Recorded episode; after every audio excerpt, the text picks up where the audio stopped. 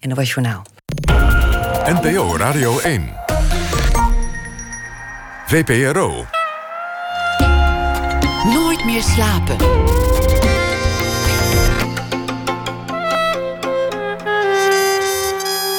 Met Pieter van der Wielen. Goedenacht en welkom bij Nooit meer slapen. Een blik op het hedendaags Turkije door de ogen van de neven van schrijver Özcan Akil. Eus voor bekenden. Na ene hoort u dat. Thomas van Aalten schrijft een verhaal bij de afgelopen dag. En Minko Eggersman komt op bezoek. Hij is muzikant. Hij maakte een album waarvoor hij uh, inspiratie zocht en vond in Georgië, de Caucasus. Ook uh, dat hoort u na ene. We beginnen met uh, Michel Soets Krisanowski. Met journalistieke, artistieke, documentaire en portretterende foto's is hij wereldwijd een beroemd fotograaf geworden. Doorgebroken in de jaren 70 vanwege zijn seriefotografie. Sequenties, foto's in reeksen. Elke foto steeds net anders, waardoor uiteindelijk alles een vraag wordt. Hij gaat het zo zelf beter uitleggen. Die foto's, die oude foto's uit de jaren 70, zijn nu te zien in Apeldoorn in het Museum Coda. En morgen zal hij daar ook een lezing geven. Later kreeg hij genoeg van die sequenties, hield hij daarmee op, ging andere dingen doen. Maar komend weekende is er een expositie met nieuwe. Hij heeft het toch weer opgepakt in Galerie Planting in Amsterdam. Krisanowski werd ook bekend vanwege andere projecten. Henny, een uh, vrouw over wie hij uh, meerdere boeken maakte. Al sinds de jaren 70 Adam en Eva. Op zoek naar een uh, echtpaar met de namen Adam en Eva. En kijken of dat een paradijs is. En de mooiste mens op aarde. Hij vroeg meerdere mensen overal ter wereld. Wie vindt zichzelf heel erg mooi? En uh, het resultaat werd een, een, fotoreeks. Geboren in 1949, opgegroeid uh, in Brabant. Woonde lange tijd overal en nergens. Heel vaak in uh, Mexico te vinden. En nu is hij hier in Amsterdam. Michel Krizenowski, welkom. Leuk dat je hier bent gekomen. Het is me genoeg, Pieter. Je, je vader kwam naar Nederland als een, als een bevrijder. Ja. Wat, wat weet je daarvan eigenlijk? Hoe die, hoe die hier terecht kwam als, als Pools soldaat? Nou, in eerste instantie wist ik er niet zoveel van, omdat uh, uh, er nooit over de oorlog gesproken werd thuis. En hij als een gesloten boek was over wat hij allemaal had meegemaakt. En die man die had wat achter zijn kiezen gekregen, want die had eerst gevochten in 1939, 1940 aan de oostgrens van Polen tegen de Russen en de Duitsers. En vervolgens in 1940 in Frankrijk, waar hij naartoe ontsnapt was. Uh, vervolgens uh, drie, vier jaar in Engeland uh, gezeten. En vervolgens geland in Normandië. En tot 1945 tot in Duitsland gevochten. Dus die man die had heel veel in die oorlog meegemaakt. En wat heel gebruikelijk is, die zweeg daar als het graf over. Zou je achteraf zeggen dat, dat hij getraumatiseerd was door die oorlog? Die man die was zeer zwaar getraumatiseerd. En dat was merkbaar voor niet alleen zijn vrouw en zijn kinderen... maar bijna alle mensen waar hij mee in contact kwam. Daar kreeg hij heel snel ruzie mee, onmin. Het uh, was echt een heel, heel dramatische gebeurtenis. Een moeilijke man was het. Hele moeilijke, onbetrouwbare man. En wij als kinderen, wij waren met z'n vieren... waren als de dood zo bang voor die man. Dus wij leefden echt in grote angst... Uh, vanwege zijn onberekenbaarheid. was gewelddadig. Uh, kon woedeuitvallen krijgen. En dat allemaal als gevolg van de oorlog. Hoe kwam jouw moeder jouw vader tegen? Want, want hij was een bevrijder. Jouw, jouw moeder was uh, hier in Nederland? Ja, uh, zij woonde in Breda bij haar ouders. En de Polen hebben Breda bevrijd. En uh, in de winter van 1944-45 kwam de oorlog tot een stilstand. Er werden Poolse officieren ingekwartierd bij de Bredaanse bevolking. En mijn grootvader was bankier, uh, gefortuneerd, had een heel groot huis. Dus die nam een paar Poolse officieren op... die op handen gedragen werden natuurlijk. Want die hadden Breda onbeschadigd bevrijd. Dus uh, mijn vader kwam in huis bij, uh, bij mijn grootvader... en zijn kinderen, waaronder mijn moeder. En, en ze werden verliefd? Ik neem aan van wel, ja. Maar er was later weinig van terug te zien van die liefde, als je dat zo zegt. Ja, kijk, iemand die zwaar getraumatiseerd is... die komt niet toe aan uh, houden van en uh, verliefd zijn. Dat kan niet. Het was een ongelukkig huwelijk. Zeer ongelukkig huwelijk, ja. Zeer, zeer veel strijd, ruzie. Uh, ja, heel dramatisch was dat. Wat was het verder voor, voor omgeving waarin je opgroeide? Voor, voor gezin? Wat, wat voor familie ben je in opgegroeid? Nou ja, karakteristiek was wel dat eh, de, mijn moeder was van een aristocratisch gezin gekomen. Dus die aristocratie, aristocratische leefwijs die werd voortgezet. En mijn, mijn vader die kwam ook van een uh, gefortuneerde familie... maar die waren natuurlijk alles kwijtgeraakt door de oorlog. Maar het was een hele gecultiveerde man. Heel intelligent. Uh, hij was ja, een hele getalenteerde man feitelijk. En, maar ook met een rijke historie en rijke cultuur. Dus uh, ja, wij, wij groeiden eigenlijk op in een soort enclave. Want we woonden in een, wat toen een dorp was in, ten zuiden van Breda. En ten noorden van Breda. Dus, uh, we woonden op een soort landgoed eigenlijk. Met een groot hek eromheen. En daar moesten wij ook binnen blijven. Wij mochten niet de straat op om daar te spelen. Want dat paste niet in het milieu. En wij mochten niet kinderen die, waar we vriendjes mee werden op school die mochten we niet mee naar huis nemen. Want ja, dat was de, de zoon van de schoenmaker of uh, de zoon van de Dat was te min om, om mee naar huis te nemen? Ja, dat, nou niet dat ze dan zeiden van dat is te min. Maar dat, ja, dat, die mensen die hebben een levensstijl. En die vinden dat dat niet past. dat, uh, ze zijn niet bewust aan het oordelen. Maar dat, vind, dat past niet in die traditie. Wat voor taal spraken jullie thuis? Mijn uh, ouders die spraken met elkaar Engels. En dan werd er Pools gesproken omdat er veel uh, vrienden van mijn vader over de vloer kwamen. De mensen die die uit de oorlog kenden. En mijn moeder was uh, deels Belgisch, was half Belgisch. En die spraken weer Frans. Dus er werden allerlei talen gesproken. Dus ook een beetje aristocratisch om, om uh, vele talen te, te hebben. Dat was dus nee, ook, was, was meer om praktische redenen. Hè? Dat, mijn vader die sprak amper Nederlands. Dus dat was uh, meer, meer uit nood dat dat uh, gedaan werd. Kijk, Frans, dat, uh, dat ook de Russische aristocratie en Poolse aristocratie spraken Frans. Mijn vader sprak ook Frans. Maar mijn ouders spraken Engels omdat het Nederlands niet de oplossing was.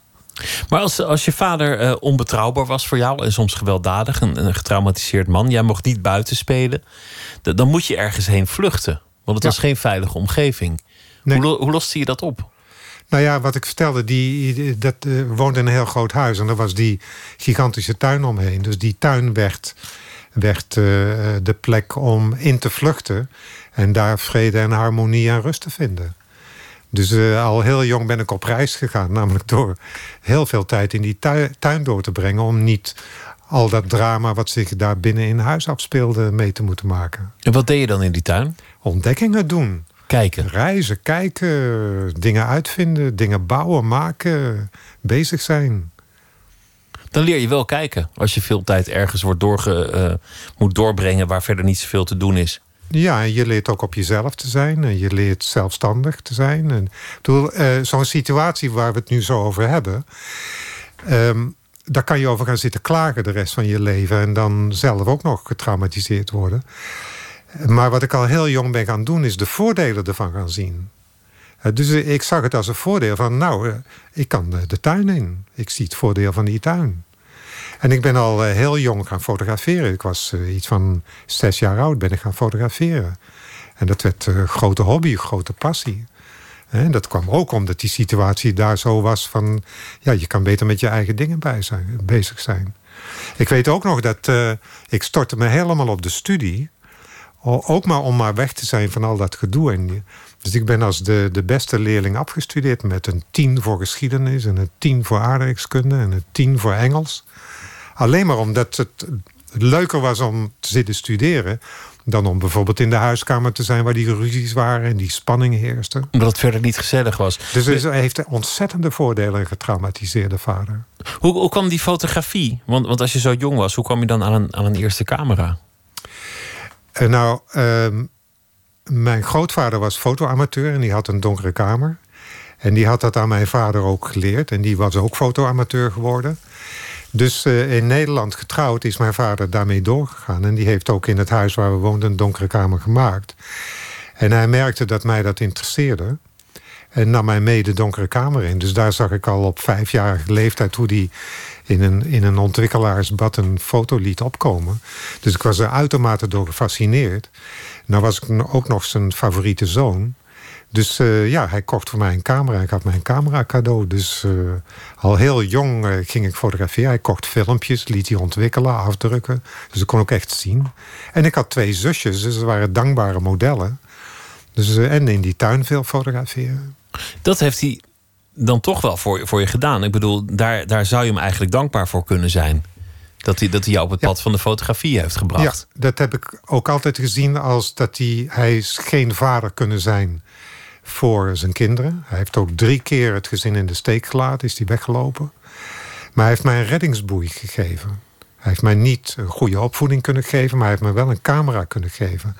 En die camera, die heeft alles in mijn leven betekend in de zin van dat ik geen slachtoffer van die situatie ben geworden.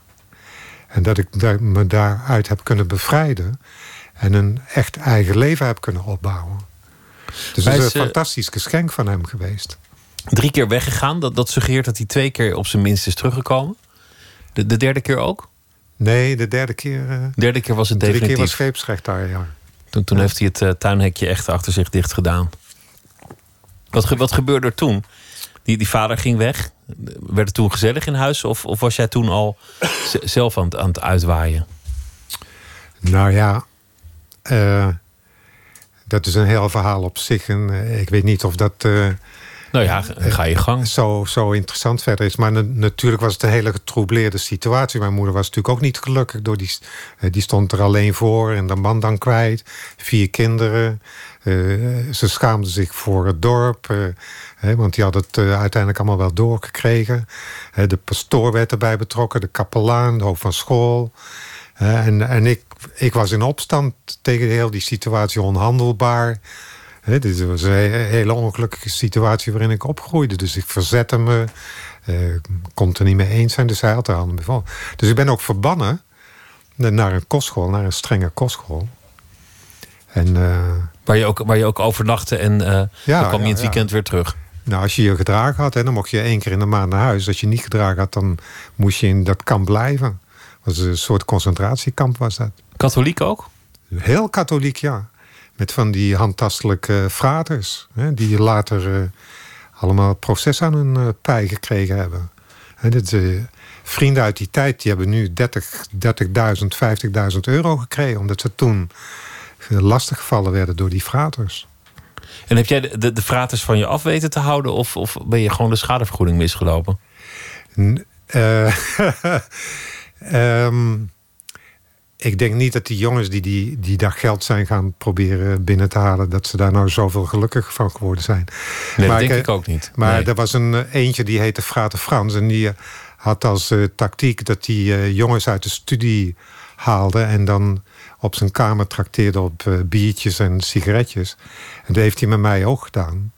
Maar ze gaan natuurlijk ook af op hoe reageert zo'n jongen en is die bevattelijk en dus uh, hij begreep wel dat, uh, dat een Polonaise met mij zat er niet in. Dus uh, ik heb geen enkel gevaar gelopen. Nou, zo, zo, dit zijn dan de eerste jaren van je leven. Toen had je die camera. Je, je hebt daar in, in die tijd een, een, goede vriend gemaakt... die later ook heel bekend is geworden in de kunst, namelijk Teun Hoks. Ja, die kende ik van die kostschool. Die was ook op kostschool gedaan. En die kwam vaak met me mee naar, naar waar ik woonde. En we zijn gaan samenwerken ook. En uh, ik heb de eer gehad om van die kostschool verwijderd te zijn geworden. Wegens onhandelbaar gedrag, wat ik natuurlijk als een grote overwinning zag. En toen ben ik op een, ehm, op een gewone school weer gekomen, daar waar mijn moeder woonde. En daar was een hoofd van school die wel inzag van ja, die, die jongen is onhandelbaar, maar dat komt ook door ons. En dat komt ook door de context waarin die zit. Dus die begreep, daar moeten we wat aan doen. We moeten niet eh, die jongen proberen eh, in, in goede banen te leiden. Althans, wat zij als goede banen. Maar wij moeten ons aanpassen aan de banen die hij nodig heeft. was heel vooruitstrevend wat die... Uh, Charles Krijner heette die man. En die zei, jij doet maar hier op die school wat je wil, jongen. Nou ja, dus ik begon een schoolkrant. En Teun, die liet ik dan de illustraties voor de, teun, voor de krant maken. En ik schreef hem vol onder allerlei pseudoniemen. Want anders dachten ze natuurlijk van... het is niet echt een succes, die krant. Dus dat, daar was ik grotendeels mee bezig. Maar dat is dus die school waar ik met tiener ben afgestudeerd. Wat, eh, wat is er eigenlijk geworden van, uh, van je, je andere gezinsleden, je, je, je, zussen? Hebben die, zijn die er ook zo goed uitgekomen als jij? Want jij zei: Ik heb eigenlijk overal het voordeel van in leren zien. Ik heb, ik heb mezelf aangeleerd om, om alles ook als een voordeel te, te, doen, uh, te doen lijken, waardoor het misschien ook waar wordt. Ja. Hoe hebben zij dat gedaan? Zijn zij daar, er ooit goed uitgekomen? Nou, ik zal je nu een verhaal vertellen, want ik ga natuurlijk niet over hun praten eh, zo publiekelijk, want ze leven nog en wellicht luisteren ze zelfs. Dus het zou niet zo aardig van me zijn om dat te doen. Nee, dat begrijp ik. Maar um, uh, wij waren allemaal bang van mijn vader. En uh, in dat milieu was het ook zo dat ze verwachtingen hadden wat je moest worden.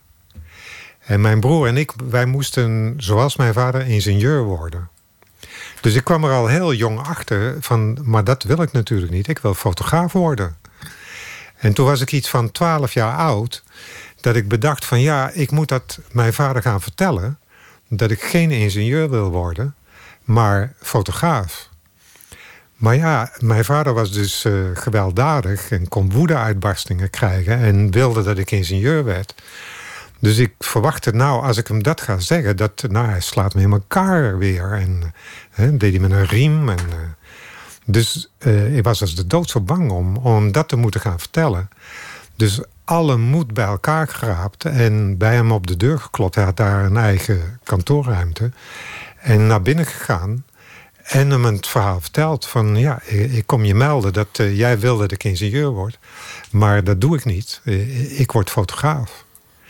En toen dacht ik, ja, nou komt het, hè. Nou komt de storm over me heen. En weet je wel, dat, dit wordt een conflict, dat wordt gigantisch. En toen zei hij tegen me, dat is goed en ik zal je helpen. En dat is natuurlijk een heel cruciaal moment geweest in mijn leven... waardoor ik nu hier voor jou zit en over mijn loopbaan kan praten. Omdat ik dat heb gedurfd.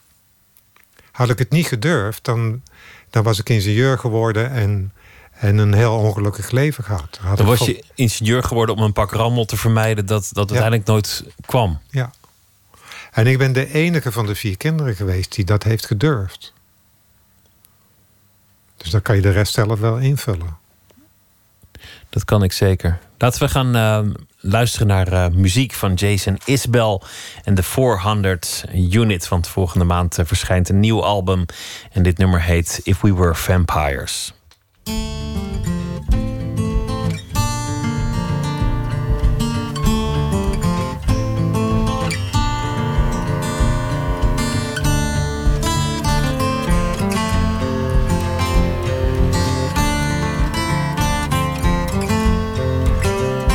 Not the long flowing dress that you're in, or the light coming off of your skin, fragile heart you protected for so long, or the mercy in your sense of right and wrong. It's not your hand searching slow in the dark, or your nails leaving love's watermark it's not the way you talk me off the roof. Your questions like directions to the truth. Knowing that this can't go on forever. Likely one of us will have to spend some days alone. Maybe we'll get 40 years together. But one day I'll be gone. One day you'll be gone. If we were vampires and death was a joke. We'd go out on the sidewalk and smoke laugh at all the lovers and their plans. I wouldn't feel the need to hold your hand. Maybe time running out is a gift. I'll work hard till the end of my shift and give you every second I can find. And hope it isn't me who's left behind. Knowing that this can't go on forever. Likely one of us will have to spend some days alone. Maybe we'll get 40 years together. One day I'll be gone. One one day you'll be gone.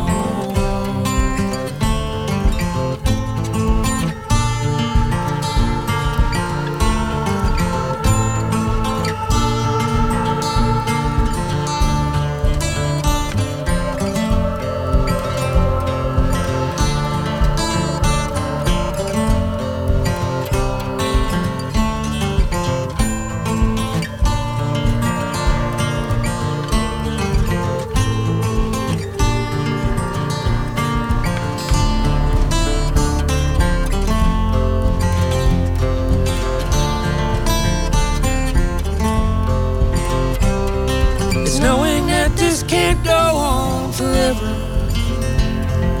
Likely one of us will have to spend some days alone. Maybe we'll get 40 years together. One day I'll be gone. One day you'll be gone.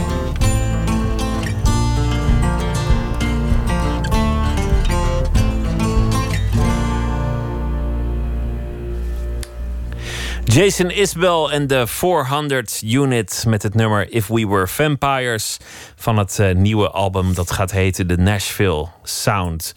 Nooit meer slapen in gesprek met eh, Michel Schultz Krisanowski, die eh, hier te gast is vanwege een expositie met sequenties. Iets waarmee hij begon in de jaren 70. Ik probeerde het aan het begin uit te leggen, maar het werd er alleen maar vager van. Dat heb je soms als je iets uitlegt dat je niet helemaal begrijpt of niet helemaal onder woorden kunt, kunt brengen. Het, het zijn foto's. Je fotografeert jezelf op het strand of op een andere plek met een schaduw. En daar breng je variaties in aan, waardoor uiteindelijk alles ja, ontheemd raakt. Wa- Waardoor jouw beeld als kijker wankelt. Waardoor je vragen gaat stellen: waar gaat dit over? Ik Maar dat is nou toch ook frappant. Je zegt eerst van, ja, ik kan het niet beschrijven. En nu geef je een perfecte beschrijving ervan. Nou, misschien, misschien eh, kunnen we kijken of we nog iets eh, voorbij perfectie kunnen dan. of we nog een hoger niveau kunnen aanraken. ja. Ik ben gisteren eh, ga- gaan kijken naar de, de oude foto's die in, in, het, in Apeldoorn hangen. En die zijn volgens mij iets anders dan, dan de nieuwe. Maar, maar laten we daarmee beginnen. Hoe, hoe kwam dat idee bij jou op? Want het was toen relatief nieuw om in de fotografie niet iets in één beeld te vertellen, maar om in, in reeksen te gaan werken. Ja, dat werd niet gedaan. Dat, eh, dat was de, de eerste die, die dat ging doen. Maar het had ermee te maken dat, eh, eh, waar we het allemaal net over hadden, toen ik begin, of toen ik eh, 18, 19, 20 jaar was, was ik natuurlijk in grote verwarring, omdat er geen basis onder mij gelegd was als kind in, in dat gezin. Dus ik moest, moest mijn eigen positie in het leven gaan bepalen. Ik moest zelf gaan uitzoeken wie ik was, waar ik stond, waar ik heen kon. En die zoektocht eh, heb ik gekoppeld aan fotografie, uiteraard, omdat dat eh, zeg maar in mijn bloed zat. Dus ehm, als je dan. eh, ik ging dan naar Schiermonnikoog toe en daar op zo'n grote zandvlakte stond. En dan komen al die existentiële vragen met de wind die daar waait op je af. En dan eh, ligt het snel voor de hand om, als je je dan denkt van waar sta ik nou eigenlijk in het leven, om dat in foto's te vertalen, namelijk in meer dan één. Want waar je nu staat, sta je niet dadelijk. En, en zelfs al zou je daar staan, dan is alles om je heen misschien eh, verzwogen, ver, vervlogen of, of, of ver, eh, verplaatst. Ja. Dus het wordt dan een zoektocht van hoe, in hoeverre kan je daar houvast aan krijgen. En dat is de opgave in het leven ook om eh, een gevoel van zekerheid te hebben en rust en harmonie. Dat je in ieder geval een idee hebt eh, van waar je staat. Dat moet je op een of andere manier diep in je systeem zien te krijgen. Dus dat moet je gaan onderzoeken en proefondervindelijk, stapje voor stapje. Kom, kom je daarachter waar je staat. Je was ontworteld en je, en je zocht naar een plek. En dat deed je aan de hand van die, van die foto's. Juist. Je afvragen, wat, wat is eigenlijk een plek? Wat Ja. is eigenlijk ergens zijn? Ja. Waar gaat het over? Wortelen. Wortelen. Eh, Daar werd je op slag beroemd mee. Vanaf dat moment was je een zeer succesvol fotograaf in de wereld. Ja. Toch ben je er op een gegeven moment mee opgehouden met het maken van die, van die reeksen die je juist zo beroemd hadden gemaakt. Ja. Wa- Was dat aan een moment gekoppeld? Nou, weet je wat het is? Eh, in, in, in die, de fotografie begon toen eh, heel sterk op te komen als kunstvorm ook. Omdat het daarvoor niet als kunst erkend werd. Dus het kwam zeer sterk op in kunst. En in die golf ben ik ook meegegaan. En, uh, en niet, alleen in Nederland, maar ook in Frankrijk, uh, Engeland, Duitsland, Amerika. En ben daar betrokken geraakt bij galeries, uh, bij kunstverzamelaars, bij critici. en die, die wereld die is wel heel apart. En die kun je pas leren kennen als ze je werk accepteren. Wat, wat jij dan succes noemt. Maar dat, en dan accepteren ze jou ook en word je in die wereld getrokken. En kom je in die wereld terecht. En die wereld is natuurlijk heel anders dan op het strand staan en foto's maken. Dus dat, dat ligt heel ver uit elkaar. Dus ik heb me in die wereld laten trekken. dan een appartement gekregen in New York en daar een tijd gezeten. En uh, boeken kunnen publiceren. En van alles en nog wat komt daarbij kijken. Maar in die wereld begreep ik dat ik niet mezelf kon zijn. Want mezelf zijn is die zoektocht. Die, die een groei is, die een persoonlijke groei is. Om, om die uit te voeren en die tot uitdrukking te brengen. Dat zie ik als de taak in mijn leven. Dat is een soort contrast. Want eigenlijk ben, je, ben je naar binnen gekeerd. Op, op zoek naar een uh, essentie in jezelf, niet, niet in, de, in je omgeving, niet in de wereld. Maar eh, je hebt, je hebt al jong geleerd om, om je af te zonderen en het daar maar in te zoeken. Nee, niet te zoeken in die afzondering, maar die afzondering te gebruiken om diepte in jezelf te bereiken. Waardoor je een gebalanceerd, harmonieus persoon wordt. Die bezig kan zijn met zichzelf steeds completer te maken als mens. En dat stond in contrast met, met galeries, openingen interviews, uh, nou ja, noem maar op, alles wat komt kijken een, bij. Een wereld van materialisme, hypocrisie, epigonisme. Het is een hele, hele onaangename wereld waar je, waar je uh, niet lang ook in kunt verblijven. Je brandt op daar. Het gaat ook gepaard met drugs, met alcohol, met uh, partners. weet je, het is een, een heel slordig leven. Dus je, je verliest jezelf in zo'n in zo'n wereld. En dat was ook nooit jouw ambitie om, om aanbeden te worden of gevierd? Tuurlijk wel. Tuurlijk wel. Natuurlijk wil je aanbeden worden. Maar als het dan gebeurt, dan merk je dat het niks is. Dat, dat degenen die dat doen, dat die buitengewoon oninteressant zijn. Maar in eerste instantie wil je het wel. Hetzelfde met geld. Ik, ik wilde heel veel geld hebben. Dus nou, dat lukte het. En toen, toen dacht ik, ja, maar wat is het nou? Het is, dat is ook niks.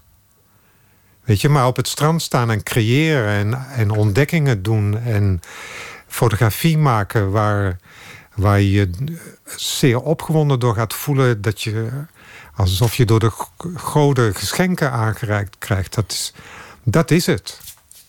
Hoe heb je je eigenlijk ontrokken aan, aan dat, dat bestaan? Want je hebt, je hebt op een zeker ogenblik ook een, een huis gekocht in, in Amsterdam. Dan, dan uh, nou ja, zoals dat gaat, kies je een huis uit betaal je de prijs en dan ga je praten met uh, de hypotheker ergens op de crossroads. En dan verkoop je je ziel aan, uh, aan de financieel adviseur. Hoe, hoe, hoe, heb je je daar aan ontrokken? Want, want eigenlijk, zoals je het nu zegt, is jouw doel in het leven juist om, om helemaal geen ankers uit te gooien. Geen... Nee, maar kijk, dat, die, die, dat gedoe in dat onroerend goed, dat heb ik nog in die periode gedaan dat ik aan het uitzoeken was van wat past bij me, wat past niet bij me. He, ook een grote auto, Range Rover, allemaal dat soort dingen. Om erachter te komen van ja, dat, dat is het ook niet. En dat heeft er uiteindelijk toe geleid dat ik eh, nu al twaalf jaar uh, zonder woning leef. Ik heb geen huis meer. Ik heb geen vaste woon- en verblijfplaats meer. Ik heb geen spullen meer. Ik heb niks meer. Ik heb uh, twee pantalons en één trui. En leef dan hier, dan daar. Dus helemaal onthecht. Ik heb me helemaal onthecht. En dat was ook je bedoeling? Nee, nou, dat, dat gebeurt. Dat, kijk, ik zit in een ontwikkelingsproces. Ik zie het leven als een leerschool. Ik wil meer, meer en meer compleet mens worden. Dus dat betekent dat je door stadia gaat. En omdat ik een student ben, leer ik elke keer. Dus ik, ik leer uh, de wens te hebben om een grote auto te willen bezitten. En, wanneer ik, en dan streef ik daarna. En wanneer ik hem dan heb, dan begrijp ik... ja, dit is het niet. Dit geeft geen voldoening en dit bevredigt niet. Dan stoot ik dat af, dan heb ik dat geleerd. Dus dan hoef ik dat niet meer te doen. Dus ook met een huis. Ik een heel groot huis gehad in Amsterdam. En toen in uh, Spanje. En ja, dan liep ik door het huis en dacht ik... nou, dit is dus mijn huis. En, en weet je, vier etages, een uitzicht op de Middellandse Zee... En ik, ja, dit, dit is het ook niet. Weet je wel, nou heb ik het, maar nou, nou begrijp ik dat, dat het niks is. Bezittingen zijn ook een soort, soort last. Je, je kunt ook ankers gooien, uitgooien op andere manieren. Dat je, dat je een gezin sticht, bijvoorbeeld. Dat, dat heb je ook niet gedaan. Nee, dat heb ik ook niet gedaan. En daar heb ik ook niet naar gestreefd, overigens. Nee. Maar nee. Want kijk, als je in zo'n leerproces zit en je wil een beetje opschieten, hè, dus echt heel veel leren in de tijd die je krijgt om te leven, ja, dan, dan heb je daar geen tijd voor. Dan, uh, dat zou maar afleiden en je remmen. Dan, uh, dan krijg je verplichtingen ten opzichte van je partner en van, vooral van je kinderen. Dan, uh, dan, dan geef je je leven voor een groot deel weg. Dat is voor, voor, ik vind het knap als mensen dat kunnen. Maar ik, ik zou daar niet uh, een rol voor mezelf. Dus uh, daar heb ik nooit voor willen kiezen. Vaak zat je in, in, in, Mexico, waar je, waar je woonde in een soort caravan, een soort, soort trailer. Met, met heel weinig spullen. En waar je ook vaak, vaak lange periodes helemaal alleen ja. bent of, ja. of was. Ja, klopt. En dan, dan ben je bezig met introspectie, plaatsbepaling. Hoe, ziet dat eruit? Nou ja, Aanstaande zondag in de Eduard Planting Galerie in Amsterdam opent uh, de tentoonstelling met het meest recente werk. Uh, wat ik gemaakt heb uh, in 2016 en een deel van 2017.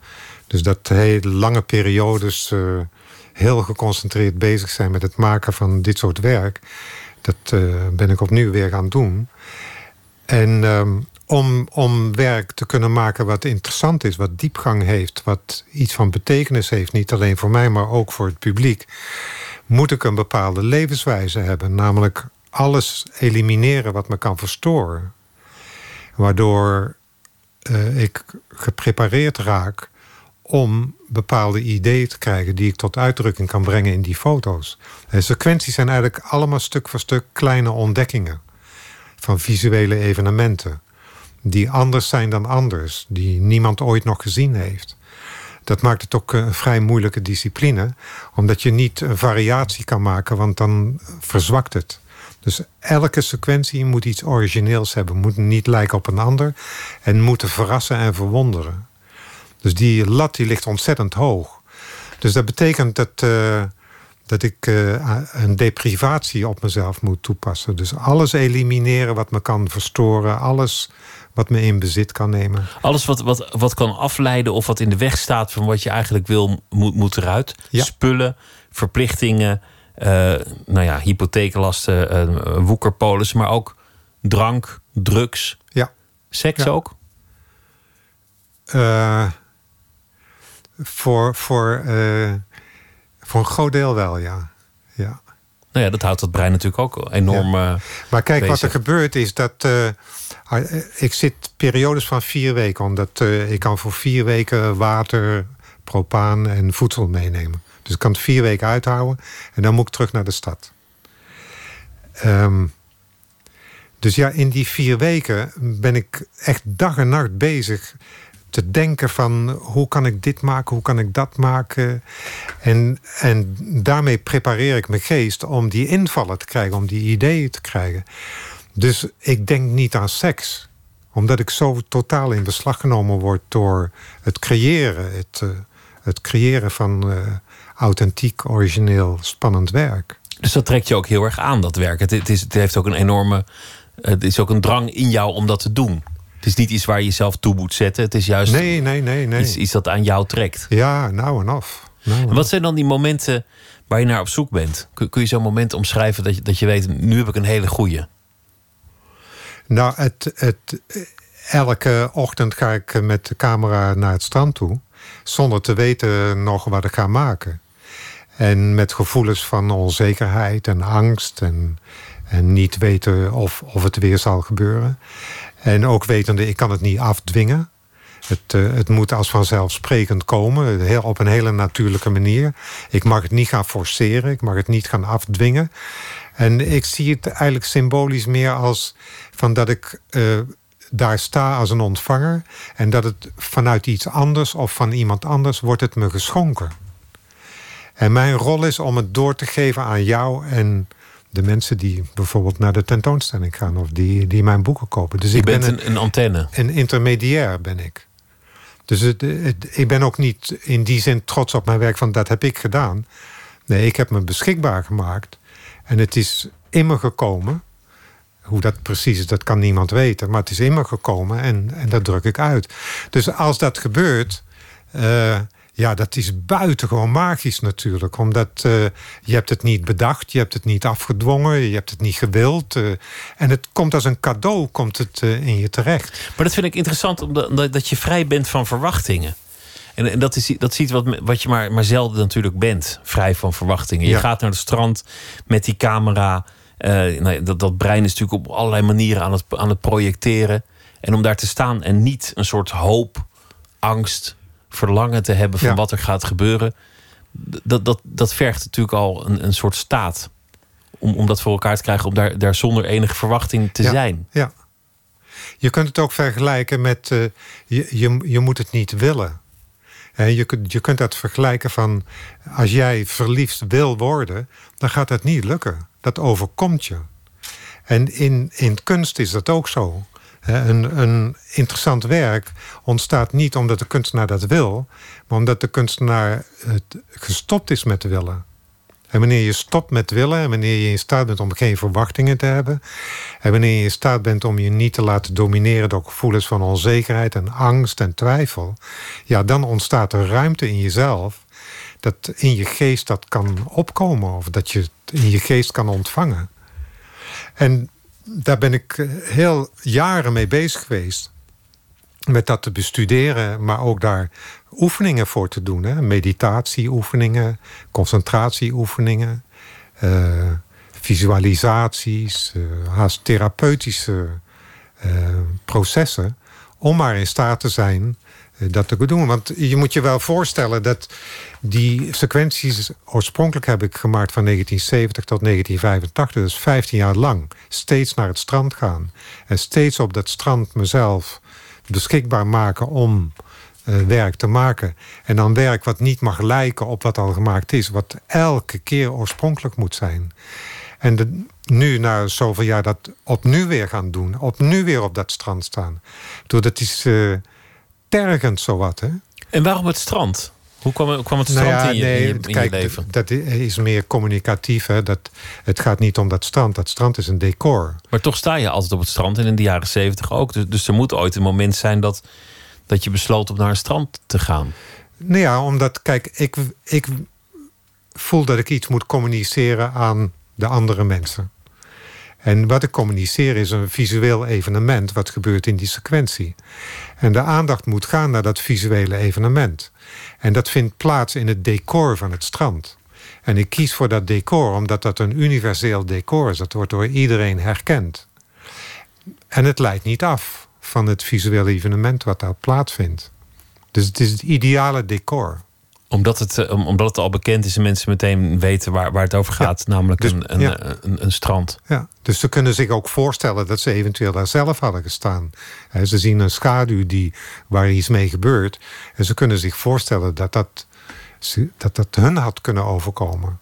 Dus, dus je, je bouwt een hoge mate van zelfidentificatie in. Kwam je als kind wel eens op het strand? Ik heb het leren lopen. Op het strand? Op het strand. Mijn moeder was dol op de zee en die huurde een vleugel van een hotel in Zoutelanden af, elke zomer gedurende een maand. En van mijn. Van, uh, toen ze zwanger was van mij, was ze daar al. Dus ik ben vanaf dat ik geboren ben tot mijn 17e, 18e, elke zomer naar het strand van Zoutelanden geweest. Dus er zit ook een soort geluksgevoel weg, weg uit dat Wellicht huis waar, het, waar het niet gelukkig was... naar het strand waar een soort vrijheid was. Pieter, dat is wel een beetje gepsychologiseerd dan. Ja, en daar heb ik helemaal niet voor gestudeerd. Maar ik, eh, ik dacht, ik uh, ja. probeer hem gewoon. Nee, maar ja, goed, het zou best kunnen. Maar uh, ja, het zou best kunnen. Wie weet. Wel, ja.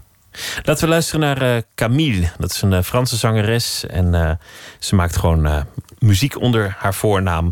Het nieuwe album heet Oui. En dit nummer heet Seeds.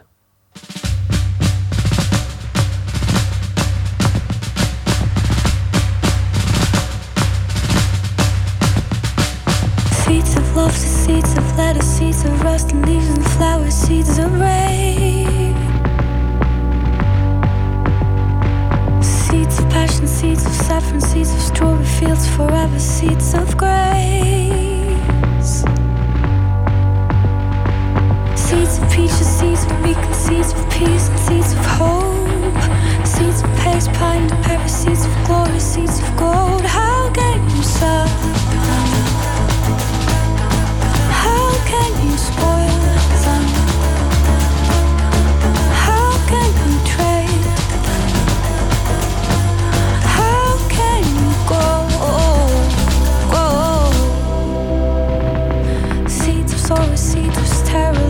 seeds of devastated corn, seeds of stray. Seeds of misery, seeds of mud and melancholy, seeds of watermelon, seeds of waste. Seeds of silence, seeds of slumber, seeds of hunger, seeds of story. Seeds of underneath the summer light and many seeds of cold. How can you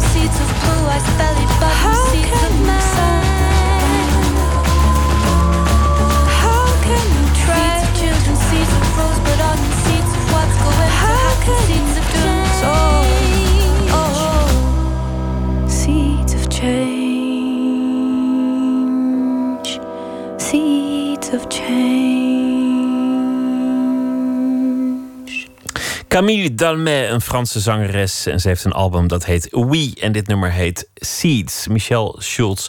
Krisanowski zit eh, tegenover me. We hebben het eh, al gehad over zijn eh, sequenties die hij in de jaren zeventig maakte. Waar hij beroemd mee werd. Die hij nu voor het eerst weer zal exposeren vanaf zondag in Amsterdam. Hij vertelde over zijn jeugd. zoon van een Poolse bevrijder met een oorlogstrauma. In een groot huis in Brabant waar het niet gezellig was.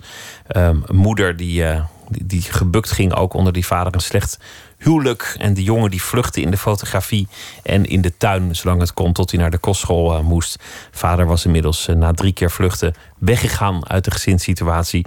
Maar had zijn zoon twee dingen geschonken: een camera en toestemming om door te gaan in de fotografie. En daarmee is het eigenlijk iets dat hem heeft geholpen. Je ziet het als een positieve ervaring, zo'n zo'n jeugd.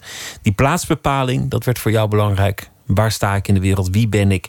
En dat werd eigenlijk een belangrijke basis van dat werk. Alleen door het succes kwam je erachter dat, dat je helemaal niet thuis was in die kunstwereld, in de wereld van succes, maar dat je, dat je veel meer eh, streeft naar iets in jezelf te vinden, jezelf verwezenlijken.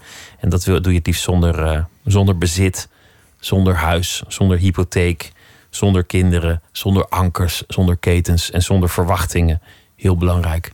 En zo werk je in afzondering, vaak op het strand in Mexico, waar je wacht tot het, tot het kunstmoment zich aan jou aandient.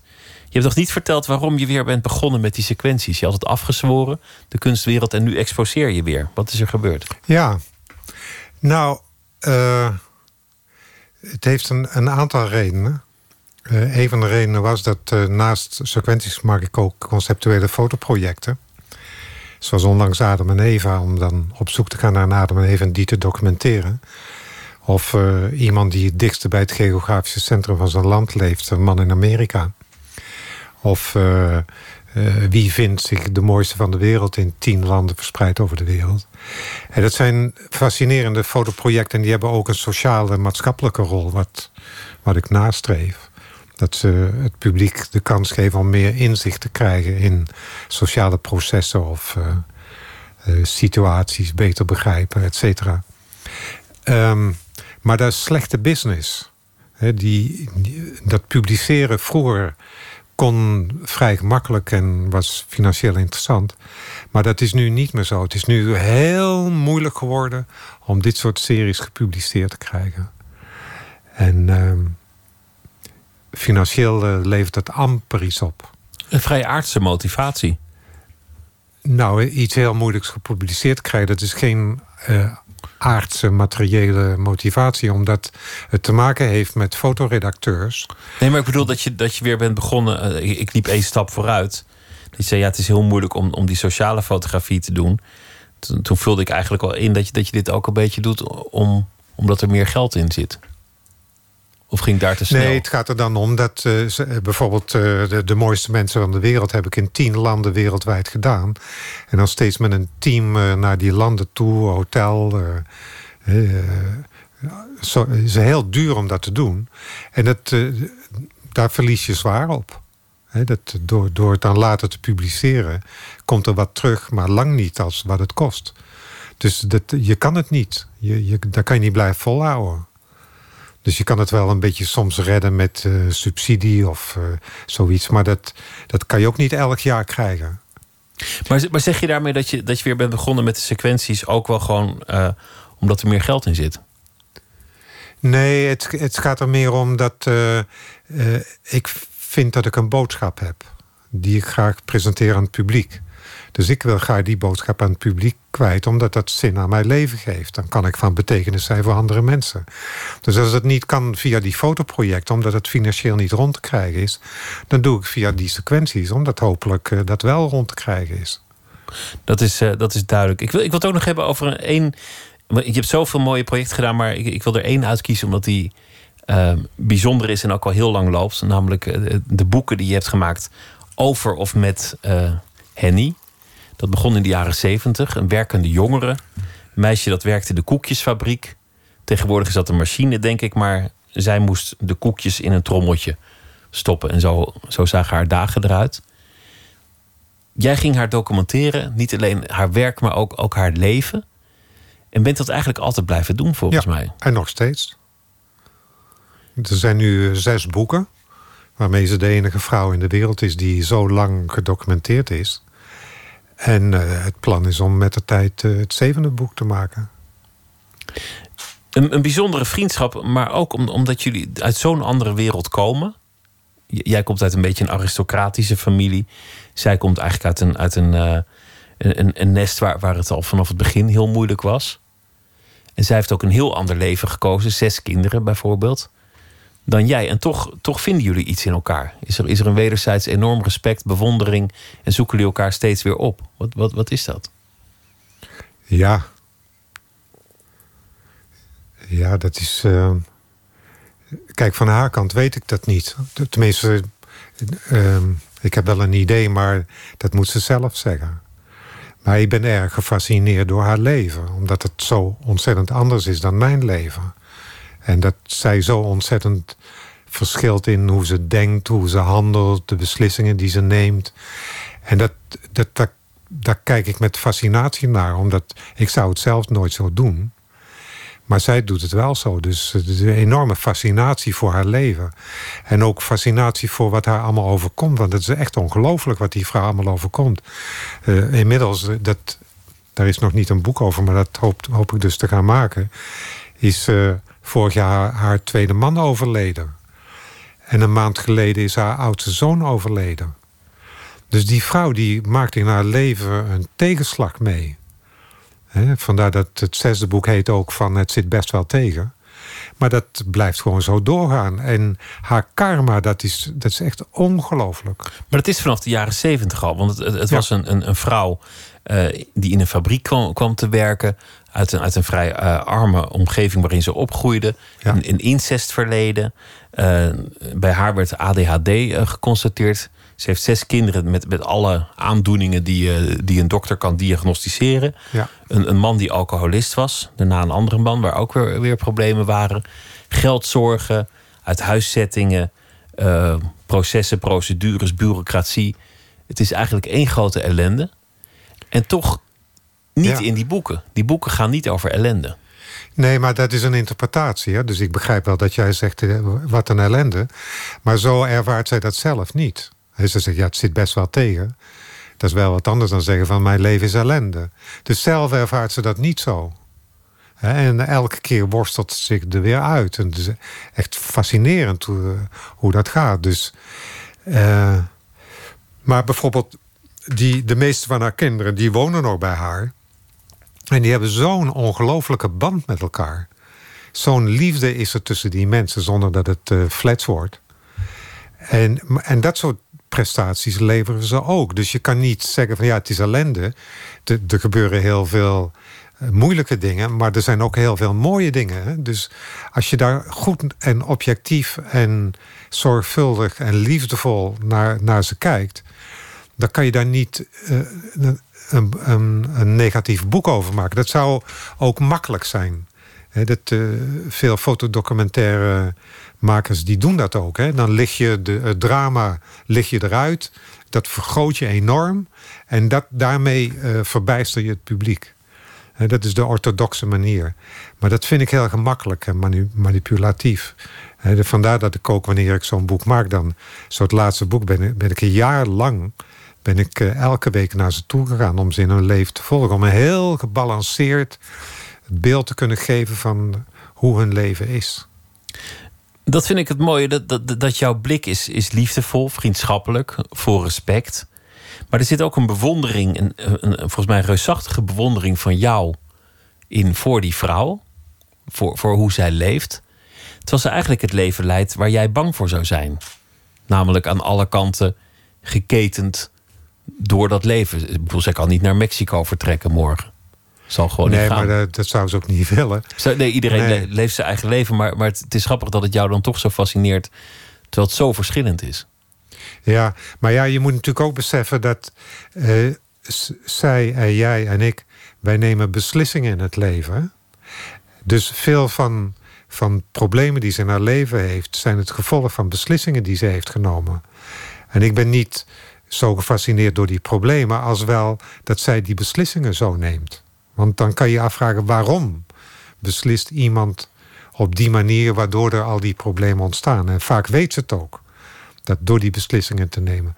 Dus wij nemen beslissingen waardoor we proberen te vermijden dat er allerlei problemen ontstaan. En daardoor leven we anders dan Henny. Maar Henny die neemt soms beslissingen waarvan je kan afvragen: is dat wel verstandig om te doen? Zo heeft, maar ja, dat, dat, is, dat is ook weer dubbel. Want ze heeft zes kinderen. Daarvan kan je zeggen dat is niet handig als je, als je geen, uh, geen heel vet inkomen hebt. Aan de andere kant is dat haar grote geluk. Dat is waar haar leven over gaat. Zij heeft altijd gedacht, ik wil een groot gezin. En dat heeft ze ook gewoon gedaan. Dus ze heeft ook echt uh, Ari uh, uitgenodigd om mee te werken... om die droom werkelijkheid te maken. Dus het was niet precies Ari's keuze. Maar dat, dat is ook fascinerend. Dat, kijk, wij zouden zeggen van... is het nou verstandig om zes kinderen te maken... als je het financieel niet ruim hebt? Dat moet je eigenlijk dan niet doen. Weet je, dus dan, wij doen dat niet. En zij moet dan kiezen tussen... het zal dan een probleem worden, want we hebben niet veel geld... maar ik heb die droom en die behoefte om een groot gezin te hebben... om met z'n allen samen te zijn en die liefde te, te, te, ervaren. Dus die kiest dan voor die liefde. Dus wie gaat nou zeggen van dat wij gelijk hebben en zij ongelijk? Weet je, zij, zij krijgt ook heel veel terug daarvoor, voor die beslissing. Maar, ik vind het fascinerend hoe ze dat beslist. Dat ze dat beslist. Die keuzes maakt. Ja, wij, wij kunnen dat niet eens. Wij worden tegengehouden door wat we ons voorstellen... wat dan ellende is in onze gedachtegang. Maar je, je hebt altijd gezocht naar, naar een soort plaats op de wereld. Een plaatsbepaling. Wie ben ik? Waar hoor ik thuis? Ja. Waar, waar bevind ik mij? Ja zij heeft die plaats. Ja, maar dat verschilt per mens natuurlijk. Hè? Dat, uh, hoe, hoe, wat voor mij mijn plaats in mijn leven is, dat is heel specifiek aan mij gebonden. Waar heb je die gevonden? Weet je, ja, weet je wat jouw plek is? Ja, hier, waar ik ben. Waar je bent? Ja. Nu hier? Ja, nu hier. Ik voel me helemaal thuis hier. En, uh, Zondag in Amsterdam en, en, en dan weer in Spanje, dan weer in Mexico. Waar ik ook ben, voel me helemaal thuis. En voel me gezellig en warm en tevreden en gelukkig. Zoals Barvin Gay zou zingen, waar je hoed maar neerlegt. Ja, en, en de Kozakken zeggen het ook. Hè? Ik, ik, ik ben waar mijn kampvuur brandt. Is, is dit het, het, het leven geworden? Want, want je, je zei, ik heb een verwachting en dan los ik die in en dan denk ik, Nou, dat was het ook niet. En dan ga je door naar, naar. En zo raak je langzaamaan bevrijd van al die verlangens. En wordt het steeds meer tot een soort essentie teruggebracht. Ja. Is, ben je nu terechtgekomen in het leven dat, dat je wilde leiden? Ja. ja. Ik had al een voorstelling toen ik 14, 15 was. Van uh, wat ik wil is reizen, fotograferen en doen wat ik zelf wil. Nou, dat, dat doe ik al heel mijn leven zo. En de liefde? Hoe bedoel je de liefde? Welke rol speelt, speelt de liefde in jouw leven? Ja, maar dat is een heel breed begrip. Dus dan moet je meer preciseren dan, Pieter. Nou, nou, nou laat ik zeggen, leef je alleen? Is, is dat waar je op uit bent gekomen? Nou, meestal niet, nee. Meestal niet. Dus, dus je, hebt, je hebt het ook gevonden op een manier dat er mensen met je meegaan of meereizen? Of Ja, dat, je, ja. dat je mensen hebt gevonden? Ja. Maar dat, eh, ehm, dat is niet iets vaststaands voor lang. Maar kijk, bij een kunstenaar is het zo dat het allerbelangrijkste is het kunstenaarschap, het creëren, het, het werk. Eh, Wat geen werk is, maar het eh, creëren. Dus de, alles is daaraan onderhavig. Dus ook de liefde. Dus de, de liefde is, is iets wat daarnaast staat. Omdat uiteindelijk gaat het jou om, om die openbaringen die zich aan jou aandienen. Ja, dat, dat ik mijn rol als eh, intermediair goed vervul. Kijk, als ik me ga bezighouden met relaties en, en liefde zoals jij dat ziet, dat is heel gezellig en leuk. Maar ik sta mijn tijd wel te verdoen, omdat ik die verplichting heb om in- intermediair te zijn. Dus dan heb ik minder resultaat, minder diepgang, minder werk te laten zien aan de mensen die daar dan de prijs voor betalen. En dat, dat mag niet. Ja, als kunstenaar heb je een roeping. En die roeping die, die probeer ik 100% te doen. Je, je leeft het leven dat je, dat je, dat je moet leven. Dit, dit is jouw bestaan. Ja. Je, je, je gaat voor de essentie. Je laat je niet afleiden door wat dan Nee, ook. Nee. Je, sla, je slaat de zijpaden over. Ja. Zondag eh, is de, de opening in, eh Bij in Eduard. Planting. Bij Eduard Planting. hij, hij, is, hij is ook een belangrijk iemand geweest in de beslissing om weer sequenties te gaan maken. Omdat hij als galerie is, speelt een belangrijke rol in de brug naar het publiek toe. En hij, ik ben, eh, mijn werk is vertegenwoordigd geweest door behoorlijk wat galeries in allerlei landen. En nu voor het eerst heb ik eigenlijk een galeriehouder waar je je veilig en thuis bij kan voelen. En dat is iets heel unieks. En, en Nederland mag blij zijn dat ze zo'n galeriehouder als eh, Planting hebben. Omdat je als kunstenaar je daar zo eh, beschermd en thuis voelt... dat je daardoor Daar kan doen. meer, Dankjewel. meer kan presteren. Michel Schultz, Krisanowski, dankjewel. Het is 1 uur, dit is Maud Schreurs met het NOS. Bij een explosie in een concertzaal in de Britse stad Manchester... zijn doden en gewonden gevallen. Hoeveel is niet duidelijk. Op het moment van de ontploffing was er een concert aan de gang... van de Amerikaanse popster Ariana Grande. De politie zegt dat mensen uit de buurt moeten blijven. Het is nog niet duidelijk wat er is gebeurd. Op videobeelden is te zien dat er paniek is... en dat honderden mensen de Manchester Arena ontvluchten. Griekenland krijgt voorlopig geen nieuwe lening. Het overleg daarover is op niets uitgelopen. De EU-ministers van Financiën en het IMF zeggen dat er meer hervormingen nodig zijn. Griekenland zou aanspraak maken op het volgende deel van het steunpakket. Het gaat om een bedrag van 7,5 miljard euro. Het Griekse parlement stemde donderdag nog in met een serie nieuwe bezuinigingsmaatregelen om te kunnen voldoen aan de eisen voor de lening. Het overleg gaat over drie weken verder. De Amerikaanse president Trump heeft tijdens een bezoek aan Israël hard uitgehaald naar Iran. Hij had onder meer kritiek op de nucleaire deal met het land. Die werd gesloten onder leiding van zijn voorganger Obama. Volgens Trump was dat voor Iran een werelddeal, omdat het land verlost is van de sancties en nu rustig verder kan gaan met zijn agressie richting Israël. De storing aan de brug op de afsluitdijk is naar verwachting pas na de ochtendspits voorbij. Eerder vandaag was de afsluitdijk in de richting van Noord-Holland een tijd lang afgesloten, omdat de draaibrug bij Kornwerderzand niet wilde sluiten. De storing was veroorzaakt door de warmte. Rijkswaterstaat zegt dat het te laat is begonnen met het koelen van de brug. Het verkeer op de afsluitdijk moet voorlopig over één rijbaan. Het weer vannacht koelt het af naar een graad of 8. Overdag flink wat zon. Het wordt tussen 20 en 25 graden. Vanaf vrijdag mogelijk tropisch warm met plaatselijk 30 graden. En dit was het NOS Journaal. NPO Radio 1. VPRO. Nooit meer slapen.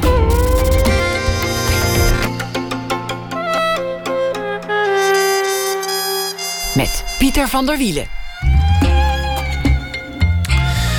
Turkije is uh, volop in het nieuws, al een uh, poosje. Maar hoe kijken de Turken zelf naar al die ontwikkelingen? Zometeen een ontmoeting met schrijver Özcan Akil. Die heeft een documentaire reeks, De Neven van Eus. En hij wil daarin het echte Turkije laten zien. Muzikant uh, Minko Eggersman komt langs vanwege een nieuw album, Kafkasia. Dat is een eerbetoon aan de Caucasus en Georgië. En Thomas van Aalten zal een verhaal maken bij de afgelopen dag. En dat zal hij zometeen voordragen. Maar eerst het nieuws van de afgelopen dag.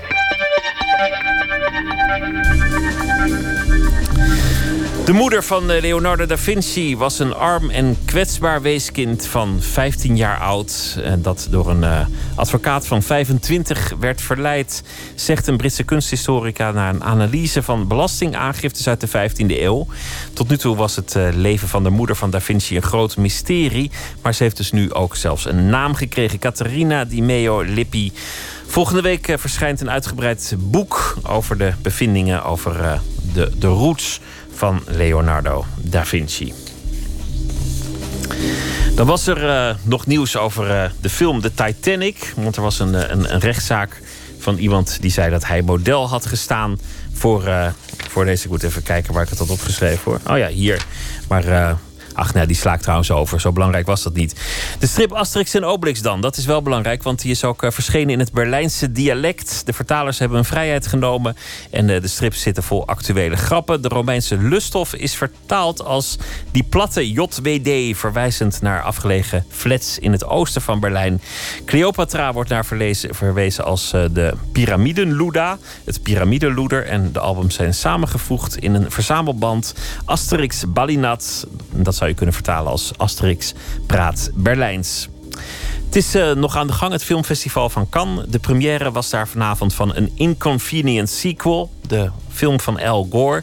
En dat is de opvolger van zijn succesvolle klimaatfilm... Een Inconvenient Truth uit 2006. Gerhard Bush van Cinema.nl is in Cannes, heeft de film gezien... en sprak met Al Gore. Goeienacht. Goedenacht, Pieter. Het vervolg op een Inconvenient Truth, uh, tien jaar later. Waarin verschilt deze film van de vorige?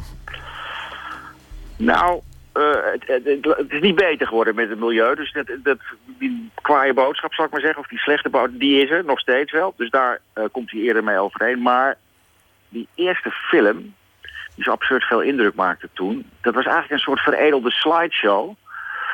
En uh, deze, daar zit eigenlijk niet meer zo heel veel van die slideshow in. Dat wordt toch iets meer gefocust op de, op de man die die slideshow toen gaf. En nu, uh, hij geeft hem nog steeds, hè, maar die hem nu nog steeds geeft, uh, Al Gore. Dus het is meer een portret van de man dan per se van de slideshow.